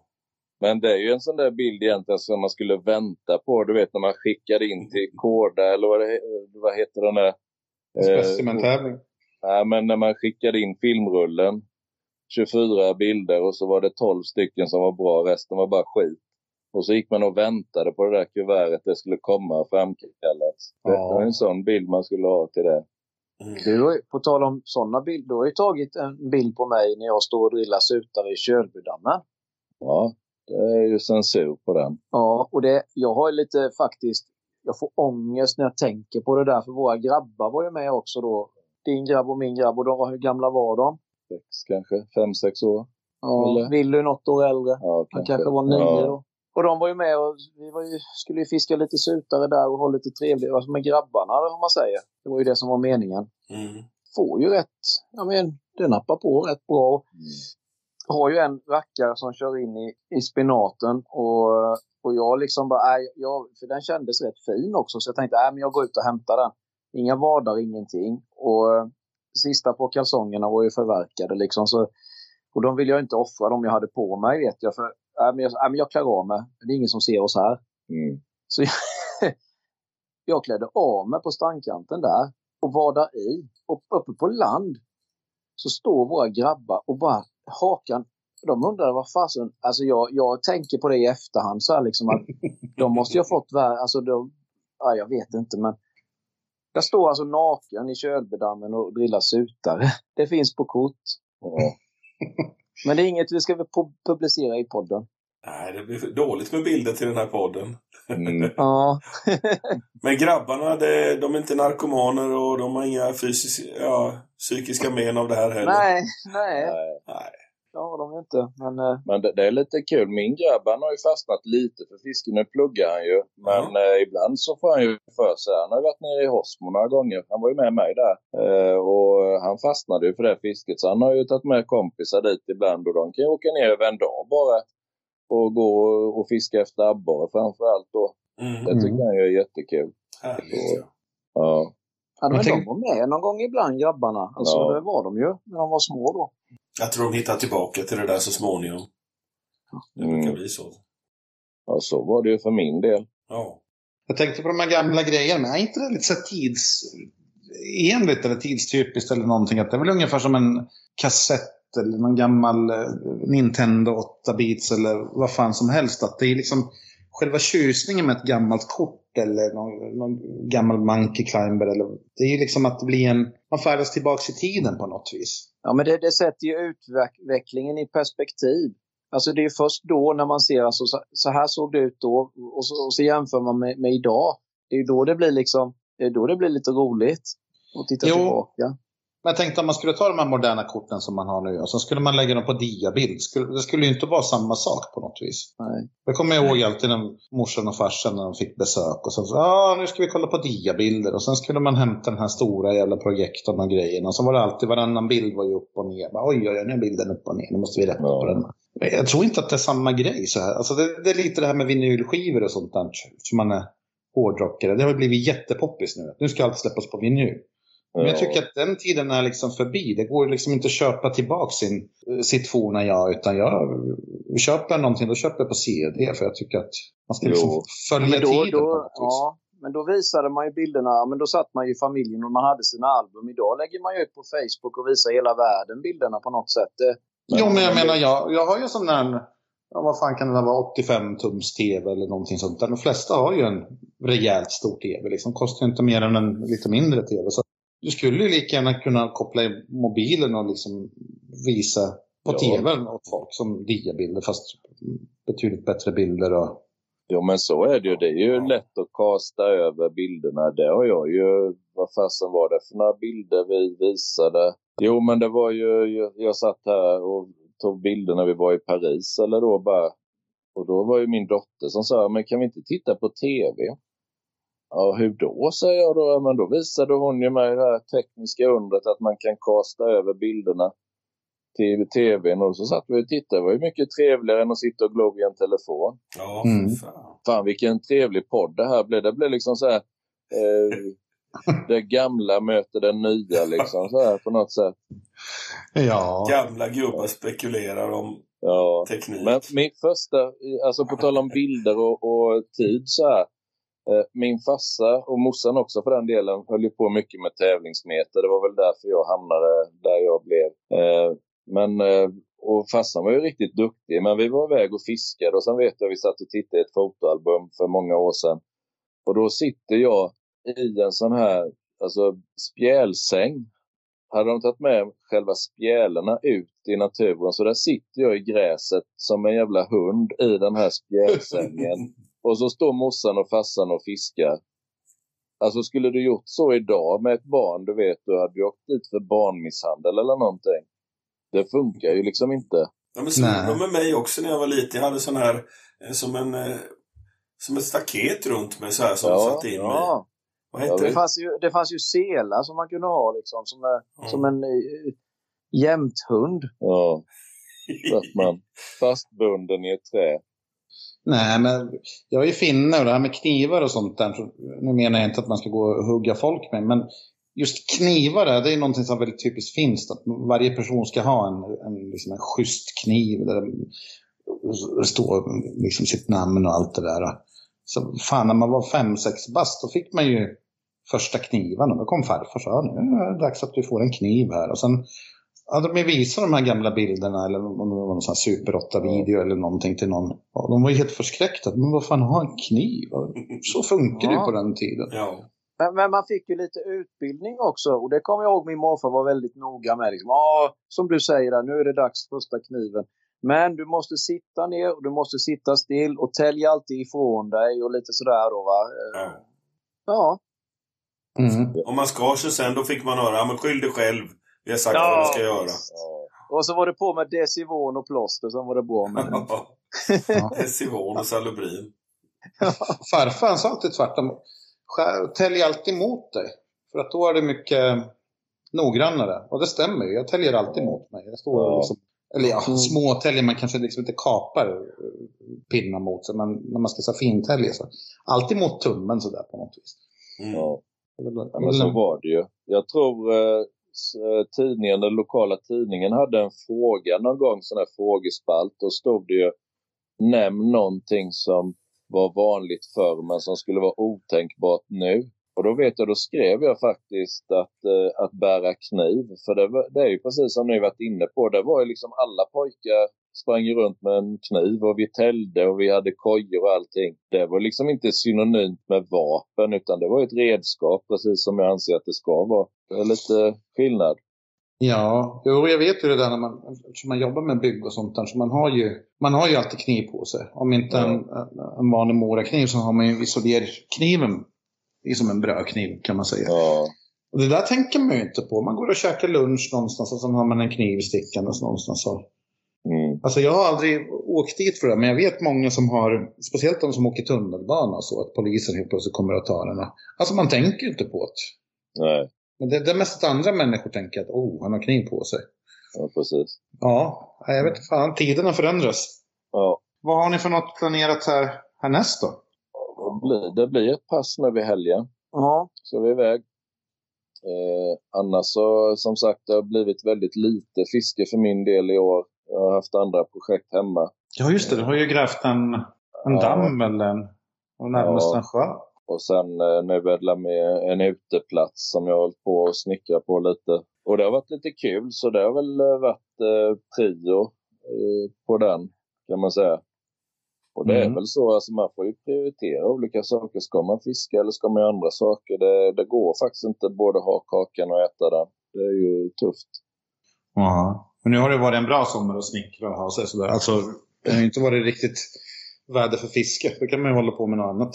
Ja, sen har jag väl haft lite, jag har ju både murat och putsat. Jag har ju hållit på lite där och det har ju varit lite tråkigt i regnskurarna så är det och provisoriskt täcka det och täcka av det. Och, Vad är det du har murat och, och, och så? Med? ja, jag har murat en uteplats och det ska vara utekök och lite. Och sen nästa år får jag, ska jag göra en eh, pizzaugn tänkte jag mura. Kan du inte skicka några bilder så kan vi, de som lyssnar få kika hur långt du har nått med den här dammen. ja, ja. om det är intressant. ja men den eh, Det dammen alltså, det kommer ju bli fantastiskt. Det är ju, så är det ju. På något sätt så hänger det ihop så här med det här. Vi älskar ju vatten och vi älskar på något sätt fiske och ja, vatten. Så att, Mm. eh, att bygga en damm, det är ju på något sätt eh, det har ju med fiske att göra. Känns Ja. som. Oh, ja. Nej, sen blir det väl Bjursjön nu eh, ja, helgen som kommer. Då. Ja. Ja, okej. Så ni kör ett eh, pass där? ja, Ja, vi tänkte vi skulle... tanken. Ja. Det blir nog sista. Eller ja, det blir det för min del. Ja, det kan nog vara sista Ja. för den här säsongen. Sen har jag ju snöat in på pimpel och vinterfiske. Jag- Det är ju verkligen, jag- jag, jag tycker det är kul faktiskt att man har, att man har något att se fram emot till vintern. Det är ju liksom fiskemässigt då så är det ju pimpel, det är för jäkla kul faktiskt. Nej. Mm. Nej. Jag, brukar, jag brukar hålla vintrarna stängda för fiske. Ja, någon, något pimpelpass kanske sådär om man ska steka både, men jag tycker det är skönt så att man varvar ner och så vaknar man fram till våren och full med energi. Jag, jag, kan, jag förstår inte riktigt de här människorna som satsar liksom hela året. Att de, januari efter gös och isfiske och bla bla bla. Så att man aldrig får vila, vila till sig. nej. Jag vet inte, jag skulle inte palla men Mm. det är klart. Vi är väl olika allihop. Ja, jag har tappat lite av det där vinterfisket också så, men sen har jag något litet eh, nytt eh, projekt med ismete efter havsöring som jag är lite sugen på att testa lite nya metoder på. Så det har jag brunnit till för egentligen, men jag har inte lyckats få till det på ett par år nu fast jag har fixat alla grejer och allting färdigt hur jag ska göra och sådär. Så blir det ju aldrig is så att det håller, så det är det stora problemet. Så man får en sån vinter i år.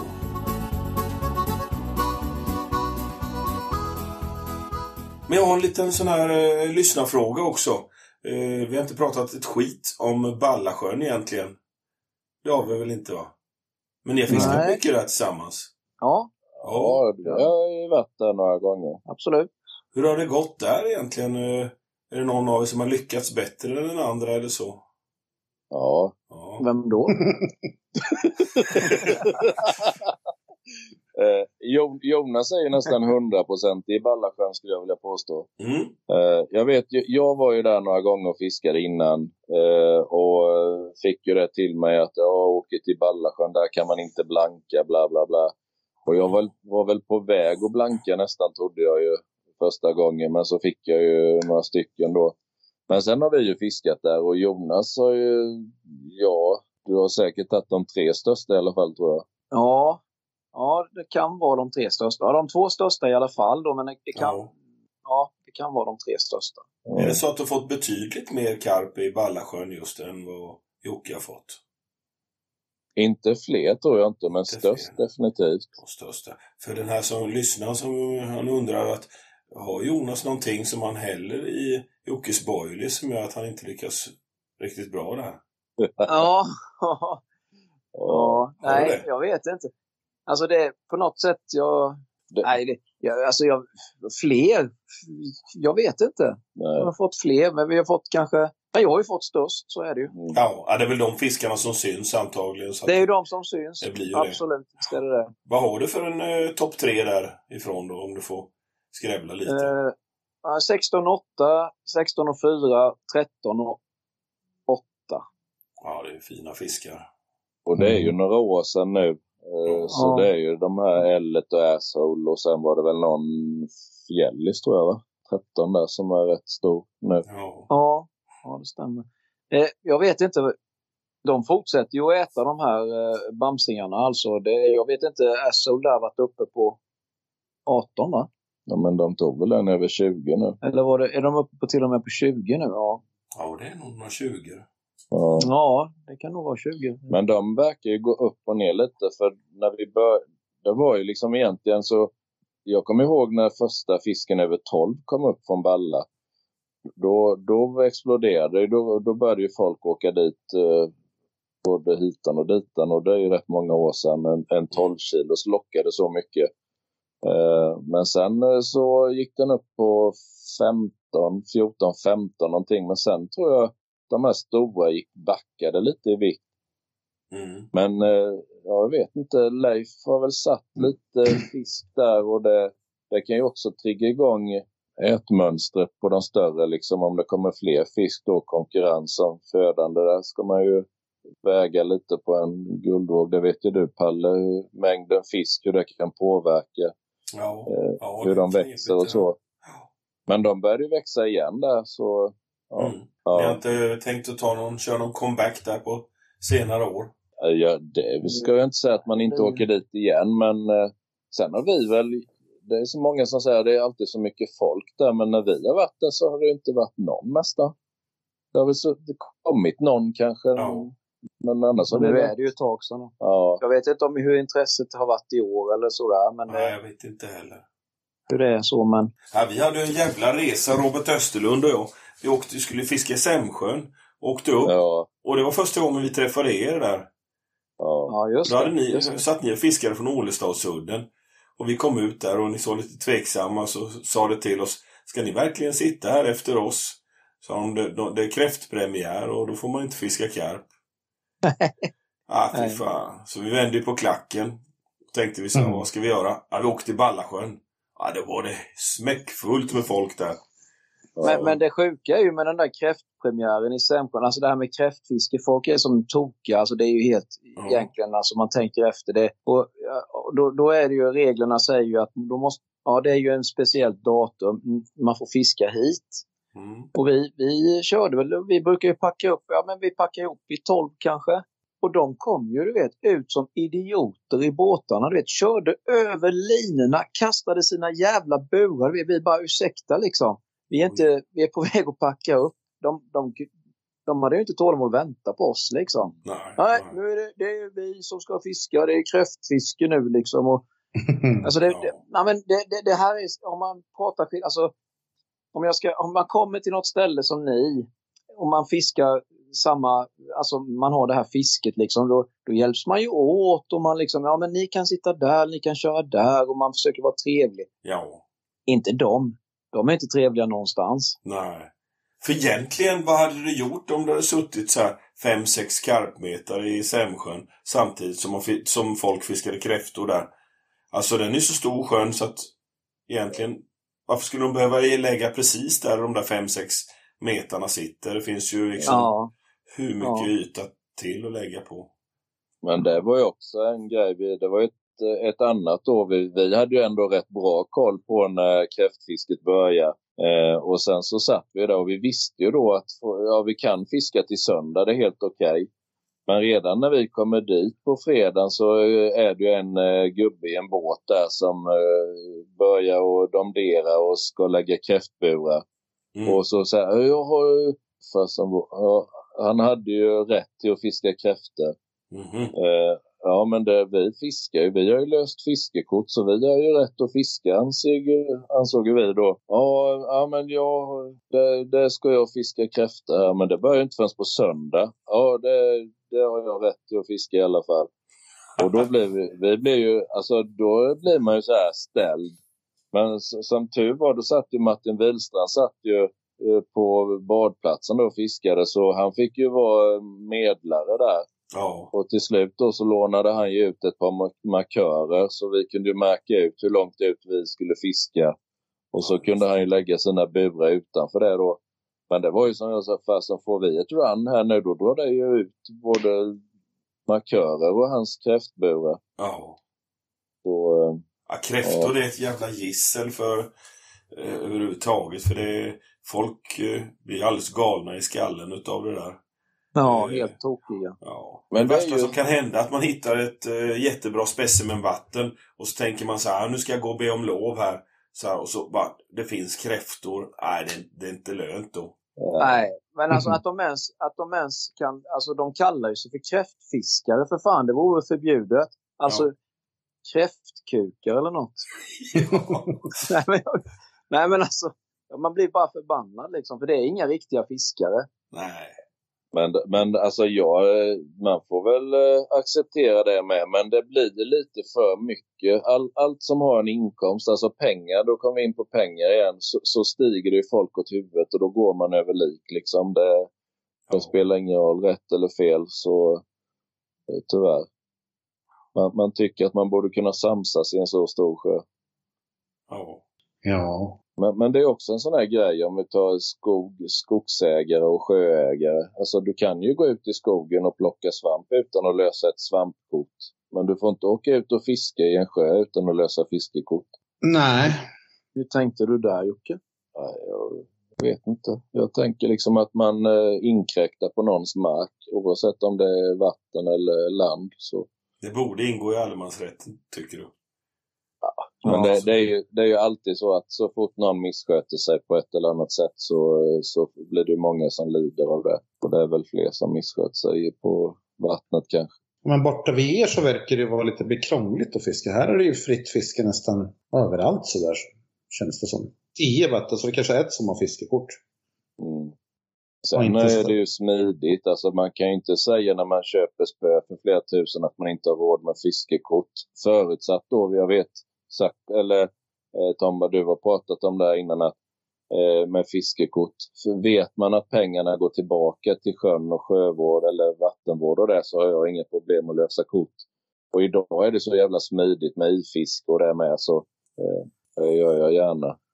Ja. Ja. Där jag bor, jag bor ju i- i Oskarshamn, och nära kusten. Här har aldrig funnits något intresse för insjöar och åar egentligen. Jo, Emån då. Så där finns det fiskekort. Men i, i våra sjöar och gölar och sånt där, där är det väldigt få vatten som man kan lösa fiskekort i. Så det handlar mycket om att gå och knacka på bondens eh, hus och be om lov och sådär. Mm. Då det är ju lite intressant för det är ju aldrig några problem. Alltså det är ju likadant här egentligen. Mm.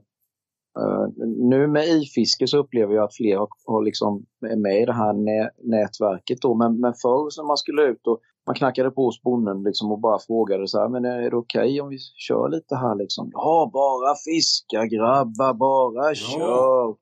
Eh, men hade vi inte frågat då hade de blivit förbannade. Men aldrig att när man, man fick, jag, jag, jag vet inte att jag någonsin har fått ett nej från en bonde utan tvärtom. De tycker det är kul och att man kör. Ja, man tycker i dagens läge att om det kommer någon så här li- lite yngre förmågor och frågar lov om fiske, att, eh, att det vore en positiv sak. Mm. Ja. Med tanke på hur samhället ser ut. Att om någon ens vill fiska, det, det är ju som en jackpot. Precis. Ja, visst. Mm. Och det är ju lite bra att fiske har ju på ett... Alltså jag kanske inte gillar den här gäddfiske, liksom hysterin som råder med massa beten och stora skepp som man ska fiska. Men det har ju ändå gjort fisket lite coolt. Och det är nog viktigt för unga människor att är det coolt då kan man ju hålla på med det där. Mm. Det här med att ro ut med farfar, det det är ju ingenting som kidsen idag kanske tycker är, är lika coolt som vi tyckte. Nej. Alltså, tiderna förändras ju så att det är väl ändå bra att fiske har blivit så pass synligt och sådär. Men så nackdelen är ju att allt negativt lyfts ju upp så jäkla... Ja, och, och kostnaden. Alltså man kan ju lätt få för, jag vet inte hur ungdomar tänker, men det här med, med dyra grejer, och alltså att det ska vara så in i helvete. Alltså det är ju en industri och man behöver kanske hälften av det man använder egentligen för, för att ändå ha ett lyckat fiske. Att det kan skrämma bort lite ungdomarna att ja men vad fasen ett spö kostar ju så och så mycket och bla bla bla. Då liksom. På min, alltså när man började fiska, det var ju relativt billigt och liksom det, och det, det var ju ingen som krävde att man hade de finaste nyaste grejerna heller liksom utan Nej, man Alla- fick ju ett par atom ju- för veckopengen sådär. ja, man fick ju ändå liksom. Ja, jo så är det. Men sen, det är också det här att folk frågar idag väldigt mycket att var fiskar du? Vart ska man åka om man ska eh, få stora fiskar och si och så? Vi var ju, det var inte frågor som vi ställde utan vi tyckte att det var kul att fiska bara. Idag är det mer sådär att någon postar en bild och då, då kommer frågan direkt att var har du fått den? Folk är ju ute efter genvägar. Alltså genvägen till den stora fisken. Alltså de har inte tagit den här långa, långa vägen och den här långa resan som, som vi kanske gjorde då. Där det inte fanns, alltså det fanns ju ingen information. Ja, det stod lite i Napp och Nytt som man fick gratis i fiskebutiken. Liksom lite sådär, ja, kommer ni ihåg Kommer ni ihåg den där kalendern? Alltså det, det var när, när är det bra och när är det, ja, det var en halv fisk när det var halvbra och så var det en hel fisk när det var jättebra och det var fullmåne. Alltså, och det där trodde man ju stenhårt på liksom. Men det fanns ju inga direkta genvägar utan man fick ju kova sig fram eh, från bullfullflötet och, och sen framåt hela vägen då. Och idag upplever man ju liksom att, ja ah, vad fan, man ska direkt på, pang, nu ska jag liksom, nu ska jag börja, karp ser, ser jävligt häftigt ut. Hur gör jag? Vad ska jag ha och, och uh, vad ska jag fiska liksom? Men man kan ju inte bara ge sig in och man kan ju inte bara kasta sig rakt in i karpfisket. Jag tror att om man ska uppskatta karpfisket till exempel så måste man ha gått stegen. Man måste ha gått utbildningen Mm. Mm. på något sätt för, för att uppskatta och för att öka chanserna då. Eller vad tänker ni det här med Jo. genvägar? Att Ja, man... men jag tycker också det. Och just för karp så finns det egentligen inte några genvägar. Visst, man kan läsa på, eh, titta på Youtube och läsa lite artiklar på, på nätet. Men det är en, vissa andra arter, där kan man snabbt ta genvägar, skaffa sig elektroniska hjälpmedel och, och, och fixa och trixa. Och, och snabbt eh, lyckas. Men eh, karp, det, det krävs lite mer. Som du säger, en, en liten utbildning på vägen dit. Man ska ha en bas där. Men vi pratade just Mm. med Sacco om det där. Han, han sa ju också någonting rätt så smart. Att det finns ju inget fiske där man tar fler genvägar än specimenmeter. Det är ju den, det är ju den värsta egentligen. För att du har ju vissa sjöar med vissa... Alltså vill du ha en riktigt stor brax så åker du till Rögle och då, då kan du ju få en. Du behöver inte vara jätte, jättekunnig för att meta för att få upp en brax på 5, 6 eller kanske större. att. Men sen ska jag, jag ska ju säga så det här med Eh, sjöar och, och fiskeplatser. Där, där har jag väl tagit jättemånga genvägar. Alltså jag hade ju aldrig fiskat i de här vattnen. Jag, de har jag ju inte utforskat. Jag har ju inte utforskat många vatten om något ens. Men liksom de här grunderna som jag har i mitt fiske, det har jag ju fått från farsan liksom, som lärde mig så här gör du en knut. Så här gör du, Eh, sätter du på flöte, så här fiskar man bottenmeter, så här fiskar man med glidande. Och sen vet jag ju liksom att det, det liksom får jag ju sån här reflektera lite över dag, mitt dagliga fiske, där jag fiskar idag. att Aha, det, jag gör precis, vissa saker gör jag precis som pappa lärde mig att så här ska man göra, ska eh, göra. Men sen upptäcker jag de här, det kommer ju mycket material med som underlättar som det här med glidande och, och flötena utvecklas och allt det. Och, och då måste man ju hänga med liksom känner jag ju. Mm. Men grunden är ju liksom ändå ett toppknutet metspö och en brygga. Ja, men jag tror att pannbenet, det, det skapade man ju när man var, alltså, det var ju när man cyklade omkring med sina bambuspön och körde in dem i ekrarna, spöet gick av, allting gick, men, men, men man fortsatte, och man, man köpte ett nytt spö, man fortsatte ändå. Det, det testar ju ens det testar ju ens intresse så att säga. Antingen så skiter man i allt och så ger man upp. Eller så fortsätter man. Mm. det var ju inte, det var ju liksom inte enkelt när man var i den åldern. men jag tänker som Färnan till exempel, det är ju en sån där fisk att det finns ju inga enkla vatten där du kan bara gå och plocka en. Ja, om man ska jämföra med brax eller suter eller ruda, alltså en, en treplussare. Utan det är lite som längdhopp. Börjar du med längdhopp så, så har du att ja, men först ska jag kunna hoppa tre meter och sen kanske fyra meter och fem meter och, och, och si och så. Du börjar ju inte på åtta meter. Nej, att det är målsättningen. Nej, nu är målsättningen något. Men just med specimenmeter, där kan du ju faktiskt börja med att målsättningen, första brax jäveln du någonsin fångar ska vara en regga. Liksom. Men färnan kan du inte fiska så. Det är därför man uppskattar en färna som är ja, men säg en reggfärna 2,5. Det är en fantastisk fisk från nästan alla vatten du fiskar i. Oh ja. Men den är liksom fortfarande ett kilo under rekordet, mer än ett kilo. Mm. Men det är för att det inte finns några genvägar till färna. Det är därför man uppskattar den liksom mycket mer som art. Nej, du, man kan inte åka och hämta den på det sättet. Nej, och det tror jag är just det här med fiske som alla vi har gått den här långa vägen. Att man har höjt sina rekord lite pö om pö. Och sen när man till slut får den här stora fisken, den ger ju på något vis, i alla fall mig, väldigt mycket mer om jag får den från ja, mitt lokala vatten eller någonting än att det ska bara gå ja, inom situationstecken köpa en sån fisk. Men så var det ju lite som första gången man åkte ner till Hosmo. Hosmo låg väl på topplistan, alltså vad, vad, som vad som var störst fiske anmälda. Och om vi pratar genvägar så var det ju självklart skulle man ju till Hosmo och fiska brax. Och jag vet första gången jag var där nere, eh, min kompis pappa bodde inte långt därifrån så jag åkte ju med han ner där en gång och han visade fiskeplatsen och jag satte mig på platån där. Eh, och så första braxen jag får där, så då satt man ju och stirrade på de där jävla lysstavarna hela nätterna. Och så får jag ju en brax där på ett och ett halvt kilo eller någonting. Eh, och sen på morgonen där så sitter ett par killar på andra sidan och så ropar vi till varandra och de frågar har du fått något i natt? Och jag var ju jätteglad för jag hade ju aldrig fått en brack på ett och ett halvt kilo innan ens.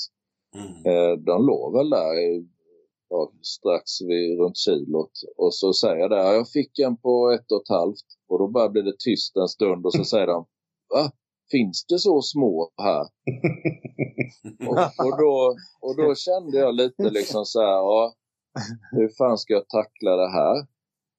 För jag menar, visst, man får liksom fem kilos braxar där fick man ju några stycken och, och det var ju jättestort och man var jätteglad men på något sätt så kändes det som i det vattnet så fick du inte det så var du besviken. Mm. Ja. Men jag tror inte att det är, alltså de flesta som åker dit från vår generation, det är sådana här människor som har fiskat länge och, och sen till slut så vill de ju få en riktigt stor fisk. Men mm, ja. det är ju skillnad på att göra så. Alltså vi åker till Dalälven. Nu ska vi åka till Mörrumsån för att fiska id. Det är ju självklart att vi vill få en så stor som möjligt. Men jag skulle aldrig kunna tänka mig att börja i Mörrumsån. Att den första iden jag får är en 3 kilos. För då blir det ju jättekonstigt. Alltså man börjar baklänges på något vis. Mm. Det, väl, det, kan jag tycka lite, men ja. Vad, men, vad, vad fan kan... vet vi? Vi är ju gamla. Sen kan man ju råka Aha. börja stort. Alltså du vet ju inte vad du får för något när du är ute och fiskar. Du kan ju lika väl börja med din drömfisk och därifrån sen så är det liksom en platå som är oändlig tills du stiger upp till nästa steg. Självklart. Så, så kändes det ju. Alltså jag berättade min karp där på 12 och 1 den första karpen jag får. Alltså det var ju mitt PB 8-10 år höll jag på att säga, men det var ju jättelänge. Men sen kan jag alltså, här, den här podden, alltså, där vi pratar minnen framförallt, det är liksom att man skapar minnen. Det är väl liksom Jonas och mitt kärnan i allting det vi gör. Vi, vi försöker liksom skapa minnen vid varje fiskepass. om det så är en fjantig video vi bestämmer oss för att spela in tillsammans eller om det är någonting som har hänt på vägen eller vid vattnet eller någonting så är det ju de flesta passen vi gör försöker vi göra minnesvärda på något sätt. Eh, det, det, är inte alltid, eller sällan skulle jag vilja säga att det är en fisk som är inblandad i det. För jag menar, jag, jag tycker ändå att många gånger man träffar, eh, nu var det ett tag sedan man, man höll på som mest med specimenfisket, så var det liksom den här otacksamheten Mm. När man fick en stor fisk, man såg liksom, ah fan, man blir besviken för det saknades 20 gram från en regga och det saknades 15 gram. Och, och men vad fan, var glad, du har ju en abborre i alla fall på 1 och 7. Det är väl inget att, att spotta åt liksom, eller vad det nu kan vara för någonting. Mm. Ja, jättekloka tankar alltså det där. Det där är verkligen någonting som man ska ta med sig och på något sätt föra vidare tycker jag. Nej, men det mm. märks ju inte om man att vi Cashews-racet. Det, är väl, det är väl ingen som egentligen åker dit för att, för att tro att man kommer ha något fantastiskt fiske. För att det, det låser ju sig ofta när, när det är race. Liksom att det, vill man fiska bra då är det bättre att åka dit en helg när det inte är fullt med folk. Men ändå så är det på något vis höjdpunkten på året för att man, man träffar alla de här människorna. Och där märker man att det är ju faktiskt inte fisket som, som är det viktiga utan just det att man snackar med folk om fiske och umgås. Och, ja, med sådana människor som man annars aldrig ser eller knappt ja. hör om. Ja. Nej, och tävlingen, det är, ju, det är ju deltagarna som skapar stämningen och tävlingen så att säga. Mm. På något sätt. Uh... Ja, för skulle det varit uh, 14 man som, som hade den där jakten på de där 20 grammen hit och, och fisken ska väga det och vill uppnå det målet, då hade det blivit en helt annan tävling, Cashews-racet ju. Mm. Ja. Vad, vad, kör du med, vad kör du med för bete liksom? Nej, fan det är hemligt. Och vad är det för rigga? Nej, fan hemligt som fan liksom. Och, ja. Mm. Nej, det, det, förstör, det skulle förstöra lite tjusningen. Nej, och det tror jag ju att en viss en del i eh, varför Jonas lyckas så bra i Balla. För han kör ju alltid med pineapple där. Mm. Och jag har ju bara ananas, så det är nog där liksom som är skillnaden där. Agnarna ja, ja, från vetet. Jag ska köpa lite pineapple till nästa gång. Jag lurade ju Jocke så sa jag ju det. Men kör du med ananas så tar jag ju pineapple här. Ja, vilken jävla bra idé sa Jocke då vet du. Ja. Nej men allt det där du pratade om nyss Jocke på slutet där. Om eh, glädjen i det. Ja, det, det där är ord som, som en bra avslutning på den här podden faktiskt. Ja, men vi, vi, har, ju, vi har ju alla liksom plågats igenom, eh, ja, jag ska ju inte säga, alltså vädret. Det finns ju de som, ja men det skiter jag i. En annan, nu får man ju fiska liksom när det ges tillfälle. Eh, och då kanske det är skitväder, men du har det här tillfället att fiska och, och man lider genom det ena och det andra. Men det, det måste ju ändå vara en, en, glädje kring det vi håller på med. För, för annars hade man ju aldrig hållit på med det, inte jag i alla fall. Jag kommer att tänka på en annan grej Jocke. Hur länge tror du att vi kommer fiska ihop? Ja, det är väl eh, nästa vecka, sen skiter vi i det. ja. det beror sig på nästa gång du sliter i larmen. ja, det kommer... Ja, jag, ja, jag, får, jag får ångest när jag tänker på det. Det var jättetaskigt. Alltså, så gör man inte. Nej, så får man inte göra. Ja, men vad tror du? Hur länge kommer vi köra? Jag vet inte. Så, så länge man tycker det är kul. På, på något sätt så är man ju liksom, eh, vi pratade om det också, att det vi gör det är ju liksom 100% på något sätt. Eh, mer eller mindre seriöst i vissa sammanhang. Men skulle jag inte tycka det är roligt, då kan jag lika väl sälja grejerna och börja med något annat. Mm. Men, men, det blir ju lite, det var därför, alltså delvis därför man slutade med den här eh, svenskan och, och småländskan. För det blev ju till slut en, en sån där, ett tvång att man måste producera hela tiden. Mm. Och, och, då är det ju inte kul liksom, alltså när man liksom, ah fan just det, vi ska åka dit nu och ah, just det, jag måste ju, nu måste vi ha en färna till över två och ett halvt eller vad fasen det kan vara för någonting. Men det där tvånget att fiska, det, men det är också en tjusning till försvar då, för det är ju en och annan som lyssnar på podden säkert som, eh, som, som är med i tävlingarna. Såklart är det ju det. Ja, men jag förstår ju. Och det, man förstår ju alltså det här med, med, med, att bidra. Är man duktig och så bidrar man ju med många poäng så att säga och tillsammans då så, så drar man ju liksom mot något speciellt mål. Så att det, Men, men vi känner inte riktigt att vi är där. På något sätt. Nej. Nej, det är ju jäkla... Man får ju ställa om hela livet efter det där. Ja, det blir ju det. Och det, det liksom går, almanackan är ju liksom, nu börjar sluta det här för då börjar nästa fisket och så bara, bara, bara, bara, bara, bara. Ja, alltså, Så tuggar det på på då. Så. Mm. Va? Om man Ska ska vara i, ja, Ja. man ska vara där uppe då. Ja, men man ser ju de här som är allra duktigast, att de, de är ju nästan som elitidrottsmän. Att de tänker liksom att ah, men i år så kör jag riktigt hårt. Och sen när har gjort det så kanske de tar lugnt ett år eller två. Och sen, att det, blir en sån jäkla uppoffring om du ska vinna den. Du måste ju verkligen fiska hela året och dedikera tid och pengar och kanske ja. förhållanden och allting till det där. Så att det är inte på skoj längre. Nej. Och sen att man sätter ihop ett lag där man har optimala förhållanden. Liksom att någon är en trollingspecialist och någon behärskar det. Och liksom både delar av landet, liksom att man är utplacerad och har hyfsat nära till heta vatten och sådär. Mm. Det, det, är lite, det är ju taktik, alltså det är strategispel också lite. Men sen är det lite sjukt då. Man är, ju- man är ju fortfarande och gluttar i listorna liksom och ser vilka fiskar och vilka fiskare det är och ja, vad de får och sådär. Så någonstans finns det ju något litet, man är ju lite intresserad ändå. Följa, då är det. Mm. På, på avstånd. Jo, det har väl sin tjusning. Men det, det vore ju roligt tycker jag om man kunde bara anmäla en, till exempel en art från ett visst vatten eller fiskekortsområde. Man skulle kunna se de här lite mer udda fångsterna. Alltså kanske en fem kilos brax från något nytt vatten eller som det var förr. För förr när man följde specimen, svenskarna pratade 80-90-tal, det var ju så jävla spännande att se vart fiskarna kom ifrån. Jag tyckte det där var en, en sån här bidragande orsak till att, det, att man liksom-, liksom fastnade för det där. Att man hittade nya vatten och, och si och så. Men nu är, det ju, nu är det så jäkla mycket tävling i det där. Att man, det räcker ju inte bara att få en fisk utan det ska, man ska åka till ett specifikt vatten och sen ska man liksom, man vet hur mycket fiskarna väger och då ska man få en si och så stor för att den ska ge si och så många poäng. Det är så liksom planlagt på något vis. Det är alltid den här fisken som kommer lite från vänster sådär som man, oj den såg jag inte komma. Det är de som man tycker är så jävla coola som, vad heter det, vimmerna som Gustafsson drog i Lötaån. och-. Mm. Det är ju det är ju sådana fiskar som, då vaknar man ju till att wow, Jo. det där var Ja. coolt liksom. Men det är, ju- det är ju sådana som gör att man börjar liksom, jaha vad fan, då googlar man, vad, ja, var ligger det någonstans? Mm. Det är sådana här sjöar och vattendrag man eh, börjar googla på lite och jaha, ligger det där? Ja, okej. Men ja, nej, men det är väl det som är med mete och fiske, att alla får väl göra hur de vill. Att det finns ju inget som är rätt och fel. Att man ska inte stå och klanka ner på någon som, som åker runt och fiskar. För det är, det är, Nej, ju- det är upp till dem. Alltså. Nej, Absolut absolut, inte. inte. Nej, nej, nej. nej.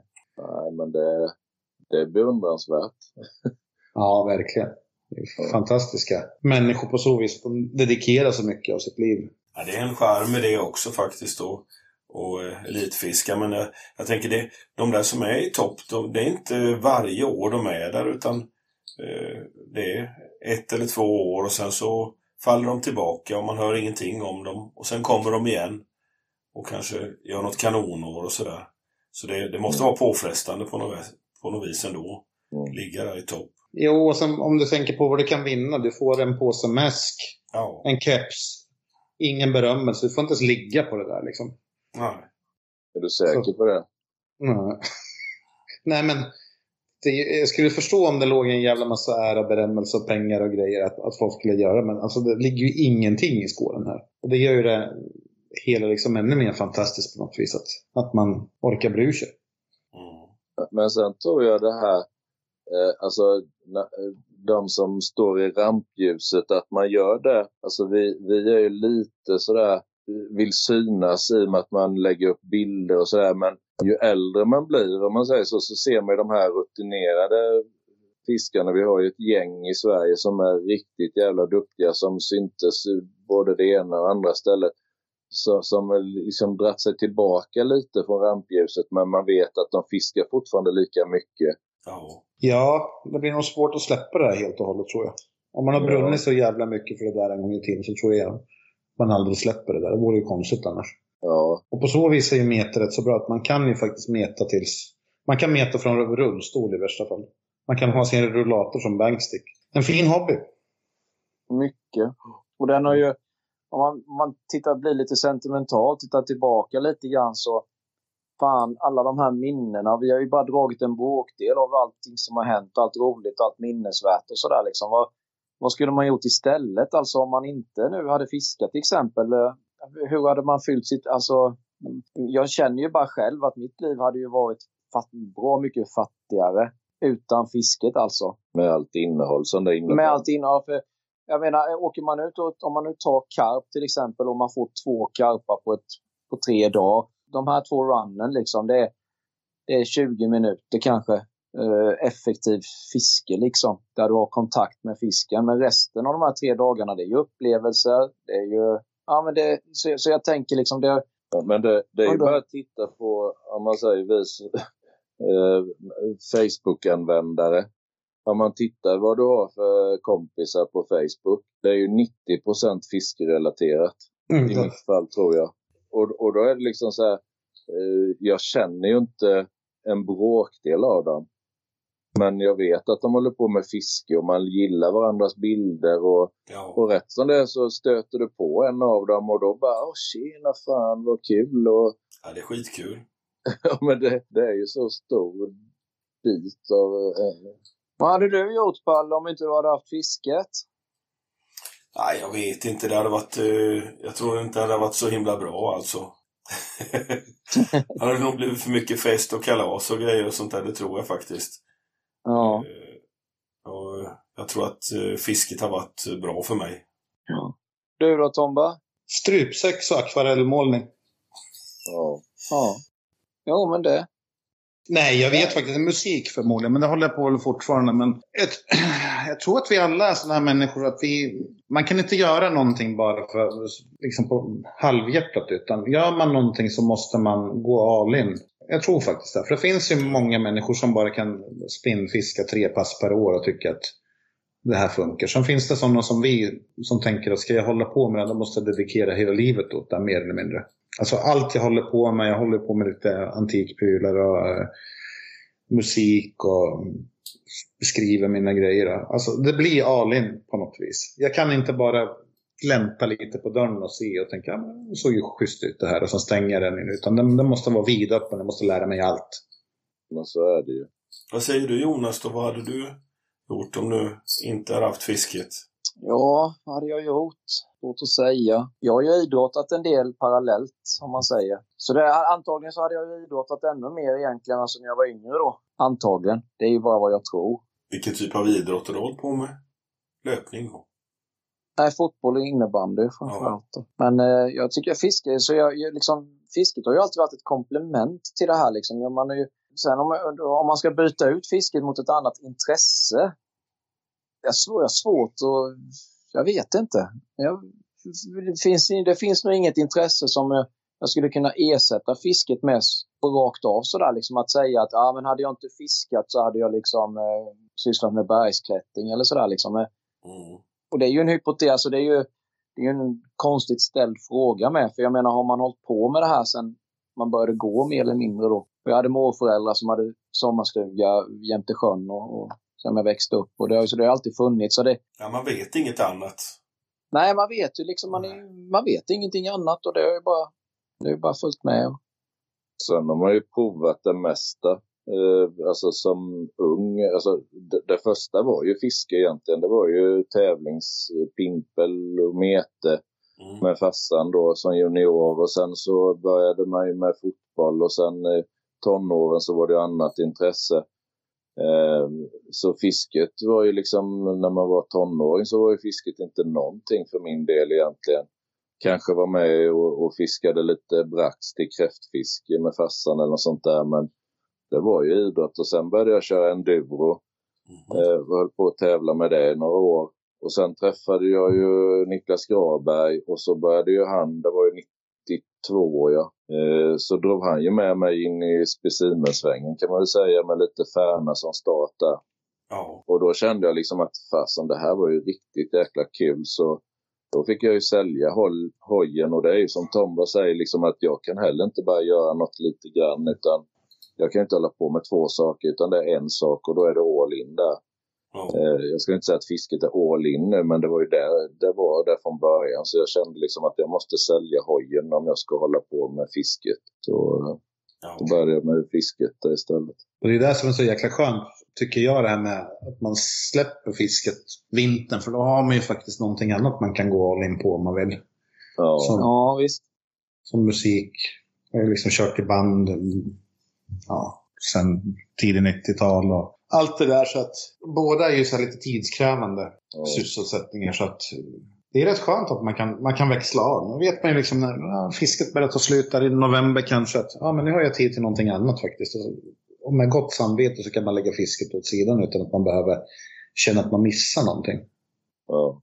Om man vill alltså. Jag kan ju inte göra det. Jag har ju det med mig hela tiden, även på vintern.